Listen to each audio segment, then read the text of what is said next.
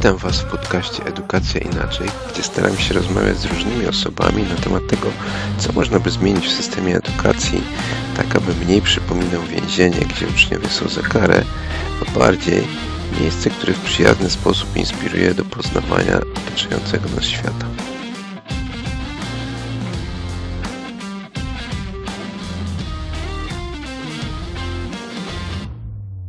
Cześć. Dzisiaj mam okazję porozmawiać z Radkiem Piorem, który sam siebie na swojej stronie określa popularyzator, pop, e, pr, promotorem astronomii, przepraszam bardzo. Jest e, założycielem planetarium oraz marki Astro Arena. Zajmuje się tworzeniem wybuchowych pokazów scenicznych z astronomią w tle. Z wykształcenia fizyk, uczy fizyki i astronomii, specjalizuje się w nowoczesnych metodach kształcenia nauk ścisłych. Na każdym etapie edukacji wykorzystuje elementy doświadczeń rozszerzających tradycyjne podejście do szkoły i lekcji. Swoje długoletnie astronomiczne przygody opisał w książce Moje podróże astronomiczne. Jest ona dostępna pod linkiem radosław.com.pl. No i to mniej więcej byłoby tyle, chyba że jeszcze zajdziemy na stronę radosław.pl, to tam jeszcze jest powiedziane, że na przykład biega boso, więc poza tym, że mamy tutaj do czynienia z człowiekiem, który w miarę lubi nauki ścisłe, to jeszcze wydaje mi się, że wierzy w to, że w zdrowym ciele jest zdrowy duch. Czy się mylę? Nie, w żadnym wypadku to wszystko prawda. E, cześć e, i, i bardzo mi miło gościć tutaj i porozmawiać o edukacji.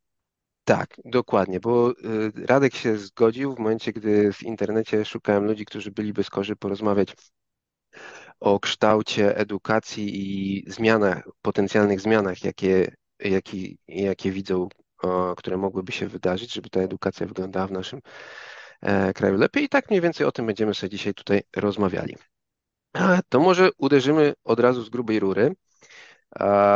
Jakie na dzień dzisiejszy widzisz wyzwania stojące przed y, systemem edukacji w naszym kraju? Generalnie widzę dwa y, wyzwania i one są bardzo, bardzo obszerne. Pierwszym jest indywidualizacja y, nauczania, czyli dostosowanie edukacji do indywidualnych potrzeb ucznia. To jest bardzo trudne i ja sobie zdaję sprawę, że bez myślenia, bez ukierunkowania się na taką celowaną edukację, bezpowrotnie tracimy talenty, ale to jest, temat jest trudny. E, niemniej jednak chciałbym podkreślić, e, że jest to ogromne wyzwanie. No możemy sobie tylko wyobrazić, ilu zdolnych uczniów nie wiem, y, ja to jestem akurat y, nauki ścisłe, ale dajmy na to z nauk społecznych, nigdy nie trafiło na jakiegoś swojego takiego mędrca, y, dobrego nauczyciela, który odkrył w nim choćby mały potencjał takiego przyszłego socjologa, psychologa albo innego badacza i taki uczeń dorasta w tym świecie sinusów, kosinusów, genetyki, nie wiem czego, czego tam jeszcze, fizyki, astronomii, żeby potem nie wiedzieć czemu zostać powiedzmy zawodowym kierowcą. Oczywiście te wszystkie piękne zawody są potrzebne, zarówno zawodowy kierowca, fizyk, astronom, genetyk, matematyk, ale e, jeśli ktoś ma zamiłowanie do nauk społecznych, to w toku edukacji powinno być to e, w pewien sposób odkryte, e, a, a niestety bywa nieodkryte i zapomniane. W wieku tych kilkunastu lat naprawdę potrzeba dobrego przewodnika, e, czyli takiego mędrca albo jakiegokolwiek impulsu, żeby przez te, te, e, e, przez te metody właściwie e, trafić na swój wymarzony kierunek. No więc to jest takie pierwsze wyzwanie systemu edukacji, strasznie trudne. Drugie, może trochę łatwiejsze, to jest dostosowanie systemów edukacji do globalnych potrzeb społeczeństw. I tu się to jest również trudne, bo zarówno te potrzeby się zmieniają, jak i społeczeństwa się zmieniają, a chyba wszyscy mamy wrażenie, że ta edukacja nie do końca na tym, nie do, nie do końca za tym e, nadąża. E, no więc jest to takie dobranie celów nauczania poprzez system ustrój, żeby tych socjologów, botaników, fizyków, kierowców e, była właściwa ilość w społeczeństwie. No tego brakuje, niestety. To moim zdaniem są podstawowe wyzwania i na tym bym się skupił. Okej, to, to, to moim zdaniem bardzo ciekawym wątkiem e, jest to, że w moim odbiorze te dwie rzeczy troszeczkę już są w kontrze do siebie, bo jeżeli mówisz, że a, chcemy zadbać o to, żeby mieć odpowiednią ilość ludzi w społeczeństwie, wykonujących konkretne zawody, a jednocześnie mówimy o tym, że mamy jakieś nieodkryte talenty, to co w momencie, jeżeli się okaże, że wszyscy, nie wiem, chcą być tymi, załóżmy, astronomami, tak, a nie potrzebujemy ich aż tylu. To co, co, co w tym momencie, co tutaj możemy sobie wyobrazić, jak, jak pogodzić te, te dwie rzeczy? Mm, oczywiście nie mam na to gotowej e, odpowiedzi, ale być może, być może jest jakimś, mm, jakąś metodą jak najszybsze e, wdrażanie e, młodych ludzi, dzieci jeszcze, żeby, poznawa, żeby poznawały różne metody, różne zawody, które wiemy, że będą potrzebne za kilkanaście, kilkadziesiąt lat w społeczeństwie, i wtedy ten, ten wiek tej wiek tego impulsu przesunie się z tych 15, 17, 18 lat na przykład na 9, 10, y, no i będzie ta młodzież miała jeszcze kilka y, lat na takie dostosowanie się do, y, do tego. Tak, to jest to, co mi przychodzi tak na gorąco na myśl, ale zgadzam się, to stoi w kontrze do siebie, ale musimy znaleźć jakiś sposób rozwiązania tego. Może nie taki ogromny, globalny, tak jak powiedziałem, może nie od razu taki globalny, ale choćby lokalny. No od czegoś musimy, musimy zacząć. Y, bezwzględnie to są y, wyzwania, nazwijmy to, y, otwartych i dojrzałych społeczeństw, bo wiemy, że kiedyś, kiedy jeszcze nie było takiej szkoły nam dzisiaj znanej, była relacja mistrz-uczeń i tam ta indywidualizacja była pełna i pewnie też było w miarę e, jeden do jednego dostosowanie tych mistrzów e, do przyszłych e, potrzeb społeczeństw wysoko postawionych, czy, czy ludzi kościoła na przykład. Ale, ale w globalnym społeczeństwie jest to, jest to trudne, dlatego mówię strasznie, strasznie mm, odległa idea. Ja sobie zanotowałem tutaj, żeby wrócić do tematu tego y, wczesnego wdrażania do zawodów, ale chciałbym jeszcze zatrzymać się trochę przy tej indywidualizacji, bo to się mi trochę wpisuje w to, co ostatnio Tomek Tokarz e, pisał e, na Facebooku u siebie na profilu. Jak on, jak on widzi właśnie przyszłość edukacji, że przyszłość edukacji to jest taka, gdzie e, potencjalnie technologia pomaga nam troszkę zindywidualizować to, gdzie w dowolnym momencie mamy dostęp do jakiejś platformy, możemy sobie coś tam robić, a jednocześnie jest jeszcze takie zaplecze typu szkoła, jaką większość ludzi rozumie jako szkołę, czyli miejsce, gdzie można przyjść, można zobaczyć jakieś no, lekcje, tak, ewentualnie spotkać się z ludźmi, ale właśnie takie połączenie, że tu możemy to jakoś tak indywidualizować. Jakie jest Twoje spojrzenie na to, jak, nie wiem, jak technologia lub wręcz od razu technologia w, w dziedzinie edukacji w naszym kraju wygląda? No bo są takie twory, nie wiem, jak szkoła w chmurze, jest, jest, jest, są te inne szkoły, nie wiem, są też darmowe rzeczy typu na naszym podwórku jest ta Pistacja TV, jeżeli chodzi o matematykę. Ja widziałem, że oni tam wchodzą też w inne przedmioty. E, jest, jest to Khan Academy Internacjonalne, które też dużo materiałów jest, y, jeżeli chodzi na przykład o matematykę e, przetłumaczone na polski. I jak, jak ty to tutaj widzisz? Więc generalnie odpowiedź brzmi tak, to jest e, ten model, który na chwilę obecną się spisuje. E, jego z całą masą zalet tego modelu niestety jest kilka wad. Po pierwsze, nie jestem pewien, czy on się nadaje po prostu zwyczajnie dla każdego. Czyli mhm. w, takim, w takim małym społeczeństwie, ja akurat uczę fizyki w Wolnej Szkole Jagiellończyk w Kaliszu.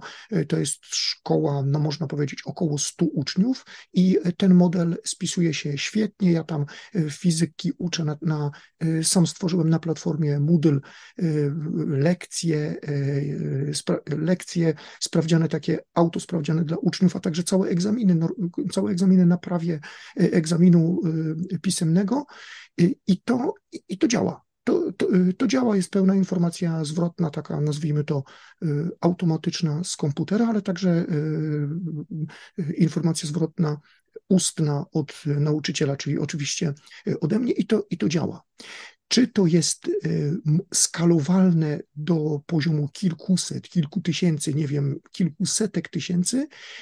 E, moim zdaniem na tym etapie nie wszyscy jesteśmy chyba gotowi, bo żeby tego dokonać, to poza taką rewolucją technologiczną, która się już ziściła, czyli każdy praktycznie ma dostęp do komputera z internetem, potrafimy jako społeczeństwo z tego korzystać już od najmłodszych lat, czyli małe dzieci potrafią i seniorzy także.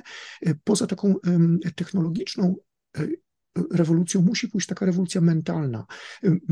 Czyli na przykład, jeśli mówimy o matematyce, to, to musi istnieć ktoś, kto pokaże, jak rozwiązywać trudniejsze zadania, bo z łatwiejszymi chyba nie ma problemu, ale takie trudniejsze zadania, ale musi istnieć rewolucja mentalna, która w normalnej szkole e, istnieje, czyli musisz rozwiązać na przykład 100 zadań z całek e, nieoznaczonych, żeby czuć się całkiem nieźle w tych całkach. W, w przypadku internetu my jesteśmy przyzwyczajeni do czegoś zupełnie innego. My jesteśmy przyzwyczajeni do krótkich filmów, które jeszcze sobie tam przewijamy, żeby coś szybciej zobaczyć. I na to połączenie tej tej tradycji pracy organicznej i tej technologii, nie jestem pewien, czy wszyscy jesteśmy teraz gotowi. Ja wiem, mam kilku uczniów, którzy są na to gotowi i bez problemu realizują y, bardzo złożone programy y, z fizyki na poziomie liceum, ale to są jednostki. W przypadku takich, takich standardowych y, programów nauczania, jednak musimy tutaj zapanować nad tym, nad tym, co ja nazywam pracą organiczną, czyli tym, tą, tym rozwiązywaniem zadań, e, na przykład, czy nie wiem, pisaniem tekstów e, z języka polskiego, to, to, to chyba jeszcze nie jest ten moment. Mi, mi się to, to, co mówisz, tak trochę z tym skanowaniem, tak trochę tutaj łączy z tym, co wspomniałeś wcześniej o potrzebie tego przewodnika. Bo w momencie, jeżeli powiemy sobie, że, że, że, mamy globalną platformę, tak jak przez chwilę powiedziałeś, no to rzeczywiście może być problem z dostępem do tego żywego człowieka, tego człowieka, który będzie, jeżeli ty się oderwiesz, e, stracisz kontakt z tym, te, czego próbujesz się uczyć, zagubisz się po prostu, to będzie ten człowiek, który cię z powrotem sprowadzi na tą ścieżkę, bo nie zawsze technologia sama w sobie to da radę. Więc na pewno wydaje mi się, że co, coś, coś takiego by tutaj musiało być, jeżeli chodzi o, o moją percepcję tego, ale jednocześnie to Brzmi dość optymistycznie to, co mówisz, że udało ci się wdrożyć tego Moodla w szkole, że to, że to działa. A, I jeżeli to rzeczywiście jest około 100 uczniów, to moim zdaniem to już jest i ty jeden z drugiej strony, to to już moim zdaniem jest całkiem fajne rozwiązanie i całkiem ładnie wyskalowane. Być może da się to rozszerzyć na większą ilość, ilość uczniów, ale na chwilę obecną y, chyba jeszcze nie będę tego bardziej, y, bardziej skalował. Po prostu nie mam czasu, a chciałbym mieć, jakby chciałbym zagwarantować y, uczniom taki no, praktycznie non-stop dostęp, czyli jeżeli ktoś ma, ktoś ma jakieś pytanie, to ja staram się jak najszybciej odpowiadać, nie zostawiam sobie czasu, że tam, a odpowiem, odpowiem za tydzień. To są bardzo różne, różnego rodzaju pytania, w większości przypadków techniczne niż merytoryczne, merytoryczne, ale w przypadku pytań merytorycznych ja jestem świadomy, że młody człowiek oczekuje y, tej informacji zwrotnej od swojego przewodnika szybko. Mówię, staram się, staram się y, nadążyć za tymi oczekiwaniami i chciałbym, żeby to była y, taka przyszłość. Czy to nawet nie jest pytanie, czy to jest ta przyszłość, bo prawdopodobnie to jest ta przyszłość, tylko kiedy będziemy gotowi do przejścia już na taką pełną industrializację. To tego nie wiem, wiem, że jeszcze chyba nie. No właśnie, bo jeżeli mówimy tutaj o wdrożeniu czegoś globalnie, to zahaczamy o to, jakie reformy potencjalnie chcielibyśmy w naszym kraju zobaczyć. No bo e, wspomniałeś, że e, pracujesz w szkole. Z tego co rozumiem, to nie jest szkoła publiczna, tak? Tak, tak, tak, bo, wszystko się zgadza. Bo, bo szkoła nazwana wolną i publiczna to by było dosyć ciekawe. A Widzisz jakąś szansę, że, że, żeby naprawić tą naszą edukację taką na, na poziomie publicznym? Głęboko wierzę, że jest to możliwe, ale takiej recepty nie mam i naprawdę nie wiem, jak to, jak to tak od zera zrobić w sensie e, globalnym. Lokalnie e, to się dzieje, jest wiele szkół, które realizują podobne, podobne e, jak w, jak w Jagiellończyku rzeczy. No, szkoła w chmurze robi to na sposób, można powiedzieć, masowy i, i, i w porządku. Tylko, tylko tak naprawdę ja bardzo sobie cenię taki kontakt i możliwość tej informacji zwrotnej, takiej, takiej standardowej informacji zwrotnej, y, no głównie do y, uczniów, ale jeżeli trzeba, to także do ich rodziców, do koleżanek i kolegów, nauczycieli, dyrekcji, właścicieli szkoły i tak dalej. Jak szkoła jest duża, to, y, to, y, to, to, są kłopoty nawet na takim standardowym y, poziomie, poziomie współpracy między nauczycielami. Ja nie mówię tu o jakimś, jakimś, jakichś konfliktach, tylko po prostu o realnym braku kontaktu między nauczycielami, już w ogóle nie mówiąc o uczniami z, z innych klas. W dużych szkołach jest to po prostu niemożliwe. W średniej wielkości szkołach i małych szkołach tak, jest to możliwe i, i, i chyba na poziomie szkół publicznych prowadzonych przez samorządy są różnego rodzaju testy e, takich e, nowatorskich rozwiązań. Mm, e, o tym się słyszy od czasu do czasu. Mm, no i tutaj wtedy już potrzeba takiej samodeterminacji dyrekcji i, i nauczycieli. Nauczycieli, którzy no wierzą w to że, to, że to ma sens i się nie wypalą, bo to jest, kurczę, troszkę mm, taki problem, że w pewnym momencie osoba, która głęboko wierzy, że coś da się zrobić, no, no potem przestaje y, y, stopniowo w to wierzyć i, i, i, i to jest koniec po prostu tego, tego pomysłu. Ja wierzę głęboko. Okej, okay, a je, jeżeli miałbyś tutaj jakieś do, do, dobre rady z, z, tego swojego podwórka dać, bo mówisz, że starasz się zapewnić szybką informację zwrotną, to jakich kanałów używasz do, do, do, do, do tej informacji zwrotnej z, ze swoimi uczniami? Jeśli nie mam mnie w szkole, bo ja normalnie pracuję zawodowo y, w firmie i w szkole jestem kilka godzin w tygodniu, to zawsze zachęcam uczniów do kontaktu e-mailowego i, z, i z e-mailem nie ma żadnego problemu. Y, czasem wykorzystują to takie y, internetowe, e, bardzo, e, bardzo popularne e, sieci, takie jak komunikatory internetowe i ja też tam jestem obecny, żeby jak najszybciej udzielić informacji. Zwykle to jest zadziwiające. Zwykle to jest na przykład godzina 21, kiedy wiadomo, że test jest zamykany o 9 rano na, na, na przykład. No, ale to mhm. ja rozumiem młodzież i staram się im pomagać. Okej, okay, czyli jesteś moc, mocno dostępny, można tutaj powiedzieć. E, to, jeśli, jeśli tylko się da, to jestem. Ta, ta potrzeba kontaktu między nauczycielami to mi się tak skojarzyła z pewnym moim przemyśleniem, że bo, bo niektórzy tak mocno straszą tym przejściem z edukacji wczesnoszkolnej do tej czwartej klasy. I taką rzeczą, którą ja zauważyłem, to jest to, że w tym momencie pojawia się więcej nauczycieli.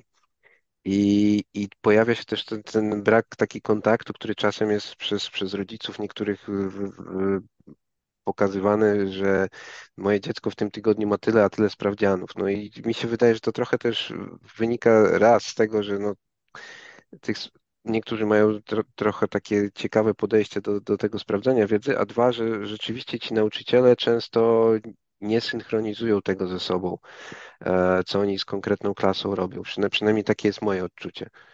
Jak, jak to jest u Ciebie? To znaczy, w przypadku y, mojej aktywności w Wolnej Szkole Jagiellończyk, to, to, to, nie ma czegoś takiego jak jakiś sprawdziany y, obowiązkowy czy coś. Jest po prostu y, tak, jest wprowadzony model edukacji domowej, czyli jest jeden, jeden egzamin w roku i, mhm. i koniec, jeden jeden pisemny, jeden e, ustny i, i tyle. E, wiedzę sprawdzamy tymi testami, które e, ja uczniom daję jako takie testy samokontroli, żeby to, żeby to działało, ale w 100% się zgadzam, ta, nie wiem jak to nazwać, kartkówkoza, to, która opanowała szkoły, nie wiem, nauczycieli, to, to, to jest szaleństwo. I, i, I to jest jeden z tych elementów, który jeżeli by na przykład ktoś mnie teraz zapytał, z czego rezygnujemy, to, to przede wszystkim z tego, czyli z tej kartków kozy, z, z tego wyścigu o ocenę. Ja teraz nawet nie mówię o wysokości oceny, czyli czy ktoś dostał ocenę celującą, czy bardzo dobrą, czy dostateczną, ale w ogóle o ilość ocen, y, to, to w ogóle bym o tym zapomniał. Y, I, y, i, i jeśli chodzi o programy nauczania, to wystarczy dostosować program nauczania do Y, tego, co jest w podstawie programowej i, i nawet na, na, pierwszym etapie bym się nie zastanawiał, czy podstawa programowa jest ok, czy, czy nie jest ok. To jest, mm, to jest wtórna dyskusja. Najpierw bym dostosował program nauczania do tego, co jest w podstawie i już mamy odchudzenie biurokracji, nie wiem, o 70%. E, łącznie z tymi, z tą ilością sprawdzianów, z tymi problemami, z którymi się e, borykają zmęczeni e, uczniowie i zdenerwowani rodzice. Okej, a jeżeli wspominasz tutaj o odchudzaniu i o podstawie programowej, to taki temat, który dla mnie jest żywy, to jest kwestia podręczników. Bo ja sobie przez długi czas nie zdawałem sprawy, że podręcznik e, potrafi zawierać więcej niż wymaga podstawa programowa. I drugą rzeczą, którą sobie nie zdawałem sprawy, jest to, że do podręcznika przychodzi skrypt dla nauczyciela często, gdzie ten nauczyciel może się przygotować w 5 minut przed lekcją do, do tego, co ma zrobić, żeby zrobić tą lekcję zgodnie ze skryptem. W internecie oczywiście dzieciaki e, mają te skrypty, wymieniają się tym, bo tam są też sprawdziany, które niektórzy nauczyciele stricte stamtąd przepisują. I w momencie, jak ja o tym usłyszałem, to ja sobie przypomniałem, bo ja coś takiego samego miałem, e, nie wiem, w szóstej klasie chyba podstawówki, gdzie się zorientowaliśmy, że e, my mamy taką granatową książkę, a pani ma taką samą, tylko żółtą. E, I to były jeszcze czasy takie przed internetem i doszliśmy do tego, gdzie taką żółtą książkę można kupić. My tę żółtą książkę kupiliśmy i nagle cała klasa, bo akurat byliśmy dobrze zgrani, miała same piątki z tego angielskiego, bo, bo mieliśmy po prostu ten skrypt. Pani była na szczęście łebska i się po drugim sprawdzianie skumała, że jednak coś jest nie tak. I no, trzeci sprawdzian był już taki, że, że już nie było samych piątek, ale to była bardzo fajna lekcja, myślę, dla nas wszystkich, bo też yy, ona nam wytłumaczyła, że ona mogłaby tak kontynuować, ale ona jednak by chciała, żebyśmy się czegoś nauczyli. Rozumie jednak, że troszeczkę się nauczymy, bo nauczymy się tego, co tam jest w skrypcie, ale jednak jej by zależało, żeby to było lepiej. Ale też była samokrytyka, że też widzi, że sama szła na łatwiznę, więc to, to było, myślę, fajne takie życiowe e, nauczenie się czegoś empirycznie, ale dzisiaj jeżeli ja słyszę właśnie, że tak, mam, mamy problemy z tym, że nauczyciele są wynagradzani, jak są wynagradzani, z drugiej strony mamy te podręczniki, które ułatwiają pracę, no to w momencie, jeżeli człowiek jest źle wynagradzany, jeżeli człowiek y, czuje, że nie jest jego y, praca szanowana, bo często mamy to zderzenie jeszcze z rodzicami na jakichś wywiadówkach i tak dalej, no to dochodzimy do, do takiej sytuacji, że pójście na skróty niekoniecznie musi być takie złe. Co ty sądzisz o tym? E, jak te podręczniki wyglądają w dzisiejszych czasach? Sam korzystasz w ogóle z podręcznika? Y, wiesz co, miałem takie kilka, y, nazwijmy to, fal y, wykorzystania podręczników. Na, na początku, tak, tak naprawdę jak ja zaczynałem jako pracę jako nauczyciel, to ja byłem już dojrzałym gościem. Nie, nie miałem tam dwudziestu kilku lat i byłem po studiach, nazwijmy to, nie, nie, niedoświadczony. Miałem już doświadczenie pracy w różnych, w różnych firmach, miałem doświadczenie pracy z dziećmi i młodzieżą, jeśli chodzi o samą edukację astronomiczną w różnych szkołach, ale jako takie zajęcia dodatkowe. Więc jak zaczynałem pracę jako e, nauczyciel fizyki, to na początku mm, wiedziałem, że zupełnie spokojnie poradzę sobie bez podręcznika, ale w, takim, w takiej codziennej rzeczywistości podręcznik pomaga, no, nazwijmy to, uporządkować wiedzę e, zarówno dla nauczyciela, jak i dla uczniów. Często można sobie takie, mm, powiedzmy, zawody zrobić, żeby uczniowie coś tam na podstawie podręcznika przygotowali i potem o tym y, opowiedzieli i to jest w porządku. Czyli y, wykorzystanie podręcznika jako takiego, jako takiej pomocy, takiej typowej pomocy y, czy to przygotowania do lekcji, czy e, wykorzystania w trakcie lekcji, tak sugeruję wykorzystywać w, trak e, w trakcie lekcji, czy do powtórzenia po lekcji, to różnie bywa. E, uczniowie raczej nie chcą wykorzystywać tego po lekcji, ale jakby ktoś chciał, nie ma problemu. Za to cała ta nadbudowa, czyli, czyli treści, które w podręczniku się znajdują ponad podstawą programową, bo nie wiem, żeby podręcznik był grubszy, albo, albo takie ustandaryzowane sprawdziany, żeby nauczyciel miał mniej pracy, pracy, y, no to to jest właśnie ten, ten, ten, y, ten pierwszy krok w niewłaściwą stronę. I tu się trzeba bardzo, bardzo poważnie zastanowić. Akurat w fizyce y, to podręczniki i zbiory zadań są niezbędne choćby do tego, żeby mieć dobre zadania do, do realizacji punktów programowych, a raczej ze zdolniejszą młodzieżą, bo ja stoję na, na stanowisku takim, że standardowa część młodzieży, która potem będzie społeczeństwem, im trzeba przekazać y, wiedzę z nauk ścisłych w sposób jak najbardziej praktyczny, na podstawie doświadczeń, mniejszej ilości zadań, żeby po prostu każdy z nas rozumiał ten świat i wszechświat, z czego się składa. Jeśli na zajęciach dla wszystkich byłoby, byłyby te same zadania, to obawiam się, że 1 do 5% by e, rozumiał o co chodzi, to znaczy rozumiałby jak rozwiązywać te zadania, a reszta by po prostu albo ściągała, albo przygotowywała się z jakichś gotowych skryptów, y, y, a potem już w życiu dorosłym niczego nie rozumiejąc. Czyli moje stanowisko jest takie, że zdecydowaną większość uczymy rzeczy prostych, jak, na, jak najprostszych, na podstawie praktycznych umiejętności, y, czyli doświadczeń, a z młodzieżą zdolną, tę, która, tą, która chce i, e, i e, uczniami e, wybitnie zainteresowanymi rozwijaniem nauk ścisłych, no po prostu pracujemy zupełnie oddzielnie i, i, tam, i tam wykorzystujemy zbiory zadań, podręczniki, a także zadania z konkursów i olimpiad przedmiotowych. Czyli odpowiadając na, na pytanie o, o podręczniki, obecnie jestem na takim etapie, że tak, wykorzystujemy podręczniki, ale jako taki element pomagający w zdobyciu tej wiedzy, nie jako element podstawowy, nie jako, nie jako nie wiem, y, y, element, z którego przepisujemy notatki do, do zeszytu, co pewnie można by robić, nie? I, i podstawa byłaby zrealizowana, program byłby zrealizowany i biurokracja w dzienniku również y, by była stuprocentowa. Okej, czyli, czyli trochę nam się zbiera, jeżeli chodzi o tutaj te takie postulaty do reformy, bo mamy, mamy to indywidualizację z tym mędrcem, e, mamy to dostosowanie do, do potrzeb społeczeństwa, e, mamy to to już w, ram, w, sumie w ramach tej indywidualizacji, że w momencie, jeżeli ktoś nie ma ciągotku, załóżmy tych ścisłych y, tematów, to, to nie przymuszamy go, staramy mu się te, te podstawy przy, przy, przykazać. O, I że podręcznik to jest takie coś, co tutaj wspomaga. No i mamy tą ocenozę i mamy tą kartkówkozę.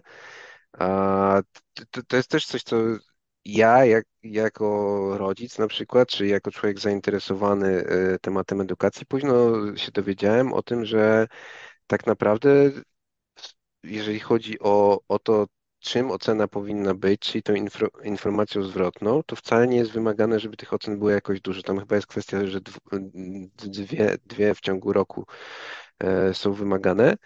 I też e, raz byłem na dniach otwartych e, wolnej, wolnej szkoły, wolnej, szkoły Bullerbyn chyba tam w Warszawie i tam było bardzo fajnie powiedziane, że, że oni starają się testować to, co dziecko już umie, a nie przyłapać się na tym, czego, czego jeszcze nie wie. To, to, i to jest taka, tak, tak, to jest taka kwintesencja, dokładnie kwintesencja tego, jak to powinno wyglądać. I tu z kolei e, moja obserwacja jest taka, że e, te oczekiwania,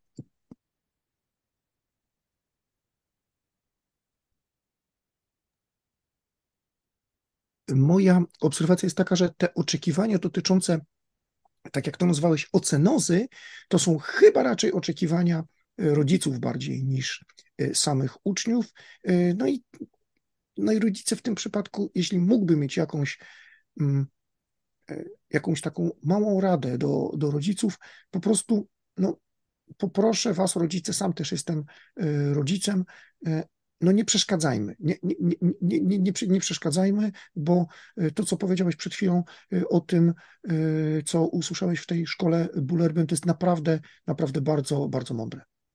Mhm. To tu już, tu już zbliżamy się do, do, do, do tego, o co jeszcze chciałem zapytać właśnie, jakie widzisz role dla poszczególnych osób zamieszanych w tą całą edukację? No bo e, mamy oczywiście nauczycieli, mamy rodziców, których już wspom, wspom, e, wspomnieliśmy przed chwilą i że, że właśnie nie powinni przeszkadzać, ale z jednej strony nie przeszkadzać, ale z drugiej strony chcemy jakichś reform. To jak, jak te reformy mają się znaleźć w tym, y, w, w tym naszym systemie? Politykom też nie zależy, bo za bardzo kapitału zbić na tym nie, nie można, no bo rozumienie edukacji w większości przypadków niestety w naszym kraju wydaje mi się, że jest podobne jak z wychowaniem, że ja byłem wychowywany, więc wiem jak wychować moje dzieci. Ja chodziłem do szkoły, nieważne, że tam N lat temu, ale wiem jak szkoła powinna wyglądać i często jest coś takiego, że nawet jeżeli się zdarzy jakiś taki nauczyciel, który chce wdrożyć coś nowego, to rodzic postrzega to jako coś innego, e, coś, co, czego on nie zna i, ja, ja to tak nazywam, że to jest e, że to, może nazywam, e, ja to postrzegam jako taki problem, że jeżeli chcielibyśmy kupić rodziców do zmiany, to rodzicom strasznie zależy na tym, żeby ich dziecko odniosło sukces, przynajmniej w większości przypadków, e, żeby było szczęśliwe w życiu, tak. I niestety często ludzie to wiążą z tym, że mają, mają mieć dobre wyniki e, w nauce, ale jeżeli mówimy teraz, że chcemy zmienić ten sposób nauki, jeżeli mamy go zmienić na taki, którego rodzic nie będzie e, rozumiał, to on nie będzie wiedział, jak się w tym odnaleźć i jak zapewnić, żeby jego dziecko było w tym dobre. To jakie widziałbyś tutaj role we wdrożeniu tych rzeczy, o których rozmawialiśmy, e, dla nauczycieli, dla rodziców, dla uczniów, dla polityków?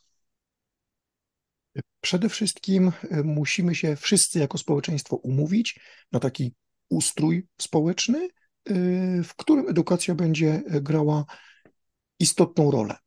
Nam się wydaje, że żyjemy w takim ustroju, w porządku, ale to umówmy się jeszcze raz, że edukacja gra istotną rolę. I teraz jaki model edukacji? Jeżeli przyjmiemy y, taki standardowy model edukacji, w którym wszyscy byliśmy y, wychowywani i wszyscy mamy gdzieś zakodowane, że tak ma być, to taki ranking PISA jest całkiem ok. Tam badane są kompetencje językowe, są badane kompetencje y, nauki ścisłe, nauki nieścisłe. Y, wszystko jest ładnie y, opracowane numerycznie. Ranking jest standaryzowany, możemy porównywać sobie kraje, województwa, nie wiem, cokolwiek.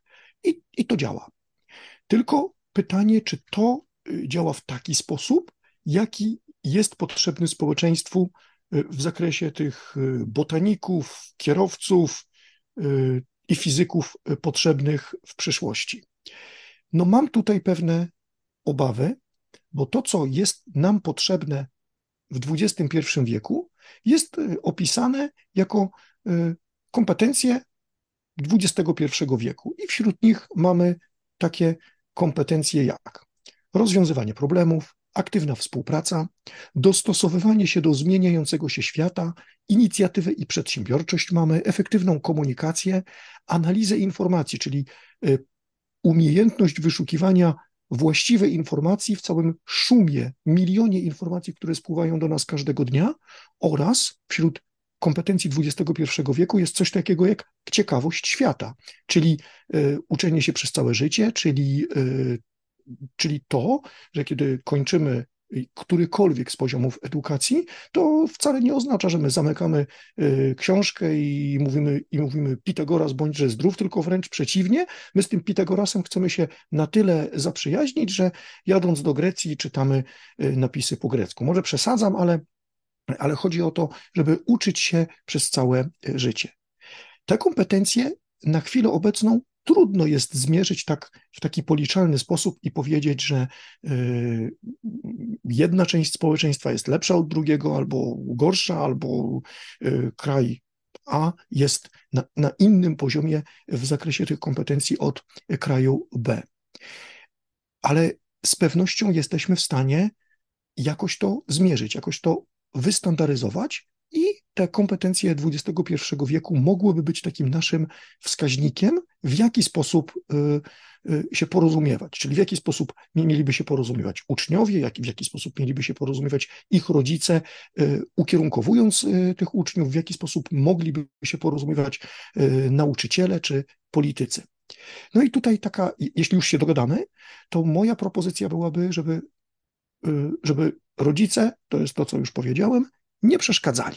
Żeby nie przeszkadzali, bo jeżeli się na coś umówiliśmy, no to poczekajmy y, i y, zmierzmy ten poziom kompetencji za rok, za dwa, za, za pięć lat, ale realizując konsekwentnie ten program.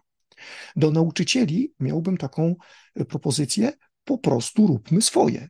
Czyli jeżeli uczymy którejś, któryś z rozwoju tych kompetencji językowych, y, na przykład języki obce, bardzo, bardzo istotny moim zdaniem y, element rozwoju młodego człowieka, bez języków obcych, w szczególności bez języka angielskiego, naprawdę jest bardzo trudno, naprawdę jest bardzo ciężko. Ja osobiście akurat w języku angielskim porozumiewam się, no, ma, myślę, że dość swobodnie.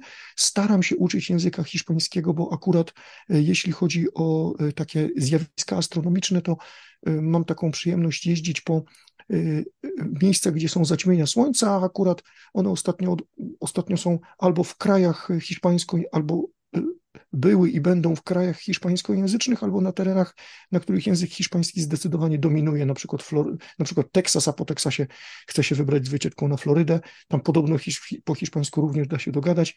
Z językiem hiszpańskim idzie mi słabo, ale po, po, angielsku, y, po angielsku się porozumiem.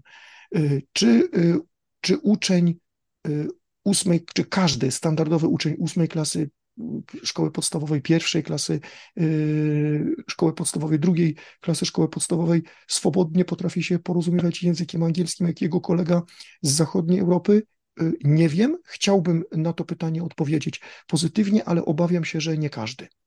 Yy, więc rozwijajmy te, te, te kompetencje, robiąc swoje. Jeżeli dany nauczyciel zauważa, że nie ma możliwości pracy, współpracy, podnoszenia swoich y, y, kwalifikacji albo wyrażenia swojego własnego zdania na temat systemu, na temat tego ustroju, tak jak już powiedziałem, no to znowu, no to coś jest nie tak, bo rola nauczyciela jest rolą kluczową w systemie edukacji. No, no to jest kwestia niezmienna. Od polityków to bym y, również oczekiwał, żeby jak najmniej przeszkadzali, ale tu bym widział jeszcze taką dodatkową rolę, bo rola nauczyciela jest rolą Y, kluczową, ale, ale nie chyba taką y, najważniejszą, nie chyba, tak, nie, nie chyba taką spajającą. Jeżeli my się dogadamy co do takiego zmienionego ustroju podejścia do tej, do tej y, szeroko pojętej edukacji, to widziałbym jak, jakiś tak, jakąś taką mm, nazwę to instytucję, ale to, to nie chodzi mi o instytucję, tylko chodzi mi o grupę ludzi, jakichś wy, wykształconych dyrektorów, konsultantów, kogoś takiego, którzy by pomogli ubrać ten system w takie, w takie nadać mu takiego globalnego charakteru. I, yy, i tu, tu, tu, tu chyba nauczyciel mógłby być takim konsultantem, ale nie wykonawcą tej, tej yy, działalności. Trudno mi to w tym momencie scharakteryzować, jak to powinno wyglądać, ale taka, taka rola osoby spinającej byłaby bardzo, bardzo istotna. To mógłby być, to mógł, to mógłby być jakiś sprawny administrator, ktoś, tak, ktoś taki. Rolą uczniów w tym, w tym całym mm, zmienionym systemie byłoby nawet nie tyle co podporządkowanie się tym y, kompetencjom, tylko y, podążanie za tym zmieniającym się światem y, i, i tutaj do ucznia należałby bardzo istotny wybór pomiędzy tym, gdzie on się odnajduje. Czyli jeżeli uczeń odnajduje się w naukach, dajmy na to ścisłych, to, to musiałby jasno to zadeklarować, a system musiałby być tak skonstruowany, żeby osoby, które deklarują się jako zwolennicy rozwoju w naukach ścisłych, mieli taką możliwość, czy to na poziomie nauczania rozszerzonego, czy wręcz na takim poziomie eksperckim. Ekspertami nazywam tych, którzy biorą udział w konkursach e, przedmiotowych i, e, i olimpiadach. Wszyscy inni, którzy nie chcą się rozwijać, dajmy na to w tej fizyce czy matematyce, byliby kształceni na poziomie standardowym, takim dostępnym dla 90 może nawet 95% społeczeństwa lub na takim poziomie hobbystycznym. Ja w wielu przypadkach mam do czynienia z osobami, które e, z astronomii, nauka ścisła, e, chcą mieć do czynienia tylko na poziomie hobbystycznym, są świetnymi obserwatorami nieba, lepszymi ode mnie, są świetnymi znawcami historii astronomii, świetnymi e, znawcami technik astronomicznych, ale no, nie radzą i nie chcą, nie, nie radzą sobie i nie chcą e, brać udziału w jakichś e, skomplikowanych e, badaniach i obliczeniach, na których współczesna fizyka i astronomia stoi. I dla różnych przedmiotów ten, ten poziom standardowy według moich obliczeń jest różny. Moje obliczenia oparłem na udziale maturzystów w, matemat- w, w egzaminie maturalnym rozszerzonym. Najwyższy jest dla matematyki, to jest dwadzieścia kilka procent, y, dla fizyki i geografii to jest kilka procent. To, to mówię z żalem, ale niestety Mhm. jest to 5 do 7, 5 do 7 procent. Z językiem polskim jest troszeczkę y, lepiej, y, ale to są mm, no, no, średnio takich uczniów zainteresowanych czymś więcej niż standardem dla danego przedmiotu to jest 10%. Chciałbym, żeby było więcej, ale, y, ale nie jest. Więc podsumowując, y, te role są zróżnicowane y, i o ile od polityków, rodziców i szeroko pojętego społeczeństwa oczekiwałbym zdefiniowania po prostu tego ustroju, to o tyle od bezpośrednich uczestników tego mm, zjawiska, czyli właścicieli szkół, dyrektorów szkół, e, organizacji prowadzących e, szkoły, e, nauczycieli i wreszcie uczniów. Oczekiwałbym takiego aktywnej współpracy i aktywnej pomocy w takiej samoorganizacji tej przyszłej mm, edukacji. Dużo powiedziałem na ten temat i sam proces, jestem absolutnie świadomy, to jest praca na lata. I nie chciałbym, y, y, żeby to tak zabrzmiało, że ja sobie, ja sobie wyobrażam, że pstryk i robimy to w całej Polsce, w całej Europie. Raczej widzę to, że robimy to bardzo powoli i robimy to y, stopniowo z pilotażem, no na przykład na, na poziomie kilku szkół i dopiero potem można by to rozwijać na inne szkoły i inne typy szkół. No właśnie, bo tu, tutaj strasznie dużo jest w tym, co powiedziałeś, bo i jak, jakby się chciało to tak szybko skrócić, to mi się wydaje, że dobrze, dobrze bym to mógł podsumować, gdybym powiedział w takim dużym uproszczeniu, to chciałbyś doprowadzić do tego, żeby człowiek e, nie miał obrzydzonej nauki przez szkołę, tak? Do, do tego stopnia, żeby rzeczywiście przez to całe życie chciał się uczyć. A jeżeli chodzi o to, jak y, sobie to wyobrażasz, to że właśnie tym jakimś takim kompasem, jak sobie radzimy e, w szkole, to, to nie byłyby te oceny, nie, nie, byłoby to, nie byłaby to koniecznie ta podstawa programowa, e, tylko byłoby to ten, ten zbiór kompetencji. Ja nie wiem, czy widziałeś na przykład to, co Szkoła w Chmurze zrobiła dla edukacji wczesnoszkolnej. To takie drzewo. Widziałeś to może? Nie, nie, nie, nie widziałem, przy czym uważam, że standardowy model y, szkoły nam wszystkim znany z edukacją przedszkolną y, i wczesnoszkolną radzi sobie całkiem nieźle. Tu bym nawet był zwolennikiem wprowadzania jak najmniejszych zmian, ale nie, nie widziałem, chętnie poznam. Bo, bo oni mają coś takiego, to chyba nawet w internecie można wyszukać jak, jak dziecko jest w klasie i tam 1-3, to oni nie chcą, żeby się działo cały czas przy, przed komputerem, więc dostaje tak, te, taką naklejkę na ścianę, czy tam plakat to jest i do tego dostaje naklejki i tam idą gałęzie i na, każdym, na każdej gałęzi jest coś tam na, narysowane i to jest o tyle fajne, że one są tak zależne od siebie, że najpierw powinien się nauczyć tego, żeby móc spojrzeć w to. E, to, to tak jakby jest taki, taka zależność, że, że, że możesz sobie spojrzeć na jedną rzecz, możesz potem na drugą i dziecko z jednej strony może sobie wydrukować, znaczy dziecko, rodzic może mu na przykład wydrukować taką kartę pracy.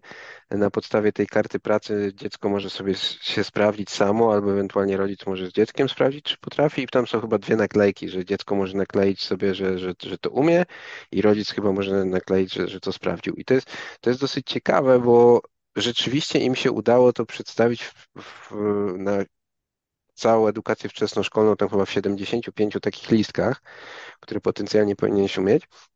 Ja miałem dość ciekawą konwersację z, taki, z takim jednym kolegą, e, który, który wymyślił, e, że, że to, tak, takie drzewo kompetencji można by zbudować dla, dla wszystkiego. I, i, I tam jak rozmawialiśmy sobie o tym, to mieliśmy też takie pomysły, że w momencie, jeżeli mielibyśmy to w miarę ustandaryzowane te kompetencje, to moglibyśmy wręcz dojść do tego, że moglibyśmy mieć różne instytucje e, implementujące konkretny e, mm, węzełek tego, tego drzewka, czy, czy, czy tam listek, tak? Bo może być rzeczywiście, że do tego trafia to, do tego trafia to, To mogłoby być, że to są, nie wiem, dla jednego to są spotkania cotygodniowe w realu, dla drugiego to są jakieś filmy na YouTubie, które do niego pasują, ale jedne i drugie byłyby powiązane, że one wypełniają ci ten listek. Potem moglibyśmy mieć też instytucje e, certyfikujące, czy tam sprawdzające, czy to umiesz. To mogłaby być jakaś, nie wiem, ogólnopaństwowa platforma, to mogła być platforma, która sprawdza to e, przed tym, jak przystąpisz do takiego egzaminu. Także wydaje mi się, że jeżeli byśmy rzeczywiście przeszli na, na, na takie kompetencje, to tutaj po, pojawia się dużo, dużo ciekawych rzeczy, ale chciałbym jeszcze wrócić do tego, do, do tej twardej takiej wiedzy, no powiedzmy książkowej, tak? E, bo bo z jednej strony mówimy sobie te kompetencje, to, to żeby tej nauki nie, nie obrzydzić, a z drugiej strony są tacy zwolennicy, co mówią, że podstawy w większości rzeczy powinieneś umieć. Czy, czy uważasz, że to jest tak, że e, tak jak to ty nazwałeś, że ten poziom standardowy, on jest rzeczywiście osiągalny dla każdego bez, bez, bez potrzeby obrzydzenia mu tego? Że załóżmy jest ktoś, kto ja, ja tego bardzo nie lubię. Jeżeli ktoś mówi o sobie, że jest humanistą, a, a to się sprowadza do tego, że ma klapki na oczach i tam polski historia, a, a, ta, a ta cała reszta to mnie nie interesuje. Ale jeżeli ktoś siebie interesuje, jeżeli ktoś się tak określa, tak, że ja tutaj lubię wszystko poza naukami ścisłymi, to czy my jesteśmy w stanie mu sprzedać to, ten standard tak, żeby mu nie obrzydzić tej nauki w późniejszym etapie? Tak, y, zdecydowanie stoję na stanowisku, że tak, tylko y, trzeba umiejętnie podać y, tę wiedzę. I to, co ja akurat robię, jeśli chodzi o fizykę, to podaję ją w sposób praktyczny.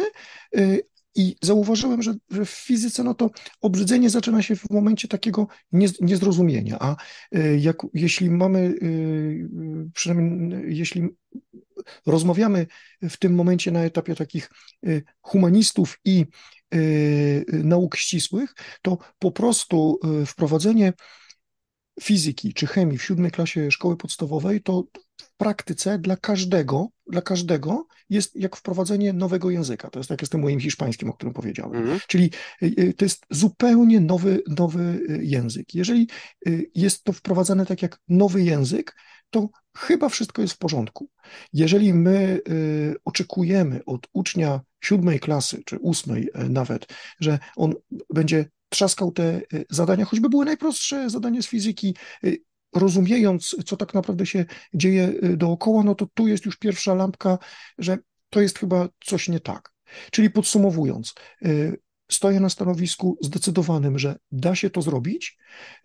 Wystarczy w sposób realny, czytać to, co jest w, podstawie programowej i w, pro, w tych podstawowych programach y, nauczania bez szaleństw, y, realizować jak naj, to jak najbardziej praktycznie, tłumacząc uczniom, co to się tak naprawdę dzieje w tej fizyce, chemii, biologii czy, czy czymkolwiek innym, patrząc na, na nauki humanistyczne, na historię na przykład. I, i tyle. I teraz jest jeszcze druga strona tego medalu. Y, ci uczniowie zdolni, oni, no właśnie, oni nie bardzo przepadają za takim y, banal, za takim sprowadzaniem tych elementów, y, którymi oni się interesują, do, tak, do, za takim banalizowaniem, bo oni powiedzmy już to sobie zbanalizowali mając 9 lat, więc oni już są po tym etapie. I tu trzeba naprawdę jak najszybciej wyszukać tych uczniów i zacząć z nimi osobno pracować, zupełnie osobno, y, z tymi zadaniami, trudnymi tematami, nawet takimi y, y, tematami przekrojowymi, nad którymi oni sami pracują w domu, nie bardzo lubią to robić. I tu z kolei już w ogóle kwestia ustrojowa, czyli tej, tej, tej rozmowy o edukacji, o płatności za edukację, jak ktokolwiek by, by nie miał płacić, chyba staje się bardzo kluczowa, no bo trzeba znaleźć czas i pieniądze tych nauczycieli, żeby mogli popracować z tymi zdolnymi uczniami lub wybitnymi uczniami, bo tak jak powiedziałem, jest ułamek społeczeństwa, y, uczniów, którzy są zainteresowani konkursami przedmiotowymi i olimpiadami, a tam już y, y, zwykły podręcznik i niestety w wielu przypadkach zwykły nauczyciel y, nie, nie wystarczy, a tacy uczniowie są i będą, i my ich chcemy. To są perełki. A m- możemy to określić, że to niekoniecznie są zdolni, że, że, że to są po prostu ludzie, do, któ- do których w pewnym momencie ktoś trafił, że i to trafiło, to jest to, co ja chcę robić, tak? A ci inni to niekoniecznie muszą być niezdolni, tylko oni po prostu jeszcze nie wiedzą, albo w ramach szkoły akurat tego nie ma, tak? Bo mnie trochę uwiera w momencie, je, jeż- jeżeli jest mowa właśnie, że, że robimy coś dla zdolnych dzieci, bo to aut, automatycznie mówi, że ci inni są niezdolni, tak? I jak, jak, jak ty to widzisz? Czy, czy, czy to jest rzeczywiście tak, że, że, że, my tu mówimy o zdolności, czy, czy my, my tu mówimy o tym, że, że nie, nie, nie trafiamy po prostu z, z tymi treściami, Tak, które, które oni, tak, oni tak. chcą? Ja, ja tak, ja tak e, nazwałem to e, zdolnymi, żeby w jakiś sposób pogrupować, e, nazwijmy to te, te zainteresowania. Jeżeli trafimy z ideą albo z tym mistrzem na Mhm. właściwy grunt, to, to, to, to naprawdę będzie dobrze. To się często widzi w szkołach, ale tylko na takim poziomie, można powiedzieć, e, statystycznie mało istotnym, czyli są, e, są powiedzmy licea renomowane, które raz na jakiś czas wypuszczają kilku, kilkunastu finalistów albo laureatów jakiejś tam olimpiady biologicznej na przykład. I to, to nie jest żaden przypadek, to jest po prostu nauczyciel, który zaraził ideą biologii kilku, kilkunastu uczniów. Słyszałem o przypadku podstawówki, e, to były chyba lata 80. albo, albo 90. gdzieś na, na, na, na jakiejś ekstremalnie małej miejscowości, do której trafił młody nauczyciel matematyki. E, Mate, matematyka e, to te przedmioty, konkursy matematyczne to nie są e, proste konkursy, to, to, to ja jako osoba, która zna się na matematyce mogę to e, powiedzieć. I był w stanie e, ze szkoły podstawowej w małej miejscowości do takich konkursów przekonać kilkunastu uczniów, mała szkoła, powtarzam, którzy potem w województwie również osiągali sukcesy, konkurując z sukcesem z uczniami z dużo większych miast i, i e, uczniami, którzy mieli do czynienia z większą ilością nauczycieli. Czyli to, to da się wszystko zrobić. E, Tylko no, potrzeba tego mistrza albo tego impulsu, a już w najlepszym przypadku e, obu sytuacji, czyli posiadania takiego e, mistrza i, i impulsu, żeby ta idea zaświeciła. Tu jest jeszcze jakby, jak już tak o tym rozmawiamy, tu jest jeszcze jeden temat. Nikt, nikt nie jest mistrzem ze wszystkiego. Czyli jeżeli ja mówię, że ktoś jest mm, y, dobry, ktoś, ktoś powinien się rozwijać, ktoś, ktoś jest na tym poziomie rozszerzonym z jednego, dwóch przedmiotów, to naprawdę wystarczy.